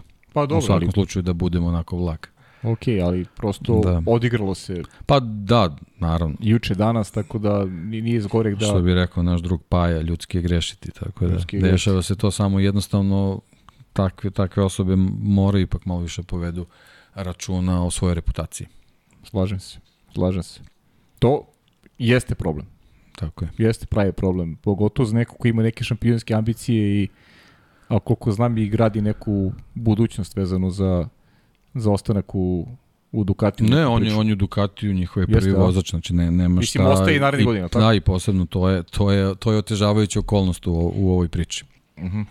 Tako da, eto, to je to. Dobro, imaš još nekih pitanja? Uh, hajde da, da, da proverim. Ja iskreno, ali iskreno da ne. To I sve, to. Se, sve se svodi na, sve se da svodi na Ferrari, zaista. Da, da, to nam je onako utisak večeri generalno da je, da je da. Ferrari priča. Samo da vidim. Ovde nema, to je to otprilike, to bi, to bi bilo to. Tako ništa, da se zahvalimo. svima koji su nas pratili, svi koji su lajkovali, svi koji da- su subscribe-ovali. Hoćeš da pročitaš ovaj E, Vanja, ne znamo dakle bismo čitali. Pomozi nam. Knjiga, a? Iz knjige, a? Iz knjige. Ja ću da otvorim knjigu, ti će čitaš možda. Jel tako? Pa, Pa da, pa podelimo ovaj posao. ne znam da li imam izbor. Pa nemaš. Eto. Ovoj varijanti nemaš. Prepuštam ti Hvala ti. vrstu zadovoljstva. A dobio sam i muziku, odlično. Pa da, bez muzike, ništa. Samo da vidim da li ću ja to moći bez cvikera. A tako, a? Gde je to? A, zalepilo se, izvinjavam se. Aha, evo ovako. Pokrovitelji Infinity Lighthouse, samo da kažemo hvala. Hvala ljudi. Hoćemo Patreon ili YouTube? Kako ćemo? Prvo, sve jedno. Sve jedno. Ajmo YouTube članove. Neven bio centar, Nikola Grđan, Miloš Tanimirović, Vukašin Felbab, Igor Ilić, Voča Pero, Marko Stojilković, Bakadu, Bojan Gitarić, Ivan Magdalenić, Ivan Uvesinović Resničanin, Mladen Mladenović, Tatjana Lemajić, Veselin Vukićević, Stojan Sabo, Mladen Dukić, Marko Bogavac, Branislav Dević, Vukašin Vučenović, Almedin Ahmetović, Nemanja Labović, Aleksandar Kockar, Miloš Z, LFC, Nikola Kojić, Nemanja Miloradović, Zvonimir Papić, Ivan Božanić, Marina, Vlada Ivanović, Oliver Nikolić, Andrija Tudorović, Jelena Jeremić, Kalabi Jao, Aleksandar Nikolić, Luka Skok, Petar Bijelić, Milorad Reljić, Nemanja, Bojan Markov, Danilo Petrović, Nenad Simić, Nemanja Bračko, Kosta Berić, Aleks Vulović, Andreja David, Pavle Lukić, Milan Knežević, Žarko Jovanović, Armin Šambanija, Nenad Lukić, To su YouTube članovi, pa Patreon pokrovitelji su Ozren Prpić, Jelena Jeremić, Sava, Ivan Toškov, Stefan Dulić, Mladen Krstić, Marko Mostarac, Marko Bogavac, Nenad Divić, Toni Ruščić, Ivan Maksimović, Zoltan Mezeji, Mar Mario Vidović, Miloš Banduka, Aleksa Vučaj, Zoran Šalamun, Ivan Simeunović, Predrag Simi, Đorđe Radović, Mihajlo Krgović, Filip Banovački, Nikola Božinović, Nenad Đorđević, Miroslav Vučinić, Monika Erce, Gomer Kovačević, Aleksandar Gošić, Jelena Mak, Luka Saović, Žorž, Stefan Vidić, Vidić, Mlađan Antić. A, Marko Ćurčić, Borko Božunović, Milan Nešković, Bojan Mijatović, Petar Elić, Nenad Simić, Boris Gozden, Andri Božo, Josip Kovačić, Mirjana Živković, Boris Golubar, Đorđe Andrić, Zorana Vidić, Luka Manitašević, Ljubo Đurović, Miloš Vuletić, Dušan Ristić, Marina Mihajlović, Nemanja Miloradović, Vukačin, Vuš- Vukašin Vučenović, Đole Bronkos, Miroslav Cvetić, Stefan Milošević, Antonio Novak, Jesenko Samarđić, Nikola Stojanović, Miholi Stamičar, Zoran Majdov, Nemanja Jeremić, Stefan Nedeljković, Lazar Pejović, Jan Gajan, Aleksa Jelić, Tijana Vidanović, Boris Kujundžić, Aleksandar Antonović, Nemanja Zagorac, Dejan Vujović, Aca Vizla, Milan Ristić, Igor Vučković, Vukašin Jekić, Igor Gašparević, Aleksandar M, Žarko Milić, Branko Bisački, Dejan Đokić, Bahter Andurmanov, Bojan Marković, Alen Stojičić, Ognjen Ungurjanović, Ertan Prelić, Andrija Todorović, Emir Mesić, Miloš Todorov, Pavle Njemec, Đorđe Đukić, Vanja Radulović, Vladimir Petković, Vladimir Filipović, Aleksandar Jurić, Strahinja Bogović, Blagojević, izvinjavam se, Depres Kodi Garbrand Fan, Jovan Đodan, Stefan Stanković, Boris Erce, Katarina Marković, Ivan Panajotović, Ivan C, Dimitrije Mišić, Veselin Vukićević, Andrej Bicok, Nebojša Živanović, Andreja Branković, Nenad Pantelić, Jugoslav Krasnić, Vlada Ivanović, Stefan Janković, Aleksandar Banovac, Miloš Radosavljević, Grgo Živović, Matija Rajić, Zoran Cimeša, Petar Nujić, Danijela Ilić, Ferenc Laslofi, Predrag Pižurica, Ognjan Marinković, Borislav Ivanović, Branislav Marković, Andreja David, Nikola Grujičić i 15 tajnih pokrovitelja i svi koji su među vremenu Tako je. postali Patreoni, zahvaljujemo se svima. Ovaj, to ćemo u nekoj drugoj prilici, kad Srđan dođe, on će da updateuje te spiskove i vrlo rado će sve da pročitam. Tako je. A mi ćemo sad ovaj, da Hoćemo se mi? odjavimo, da nazdravimo, Pa da da, nazdravimo, da da. zahvalimo Anti još jednom, hvala na po, poklonima, Ante. hvala svima zaista ovaj, što nas podržavate, što nas pratite. Trudit ćemo se da, da i dalje ovaj, pokušavamo da, da, da držimo ovaj tempo i ovaj ritam koji imamo. Vidjet ćemo sad tokom leta kako će sve da se, da se odvija. Ovaj, ali budite u toku naravno. Ovaj, Pa što se tiče Srđana, ja se nadam da ćemo uskoro da, Ma, verujem da će to da, da, bude da okej, budemo da. svi zajedno, ali eto, budite s nama pa pratite ovaj, informacije. Pa znaš kako, ajde, a, nadamo se da će Srđan oporaviti, ako ne bude spreman do, do utorka, i ja ćemo se Tako naći je, utorak da analiziramo ono što, Što se se tiče dešavalo. Formule 1 na i Austrije, ringu, tako, tako je, bit ćemo da. tu. Manje aktivnosti u. MotoGP-u, tačnije nema aktivnosti trenutno, Da. oni su na spavanju Ali odmoru. kažem, kažem bit, ćemo, bit ćemo u kontaktu pa ćemo vas obje, o, obavestiti o podcastima vezanim za Moto Grand Prix. Tako je. Srki, ne daj se, Tako je, Srki, čuvaj se, čuvaj čuvajte se, svi. Tako je, svi se Pazite čuvajte, se. pa bit ću sada ovaj, u Srkijevom stilu, mazite se, pazite se, vozite račune jedni od drugima i pratite za vikend Formulu 1 obavezno na kanalima Sport kluba, mi ćemo naravno utorak svakako ovaj, naći način da analiziramo sve ono što se dešava u Austriji, ne samo kad je Formula u pitanju, već i ove pratiće serije, dakle bit će mnogo zabave kad je u pitanju auto, motosport i do tada jedan veliki pozdrav i hoćemo Živjeli Ante i živjeli Ante svima. i ćao svima.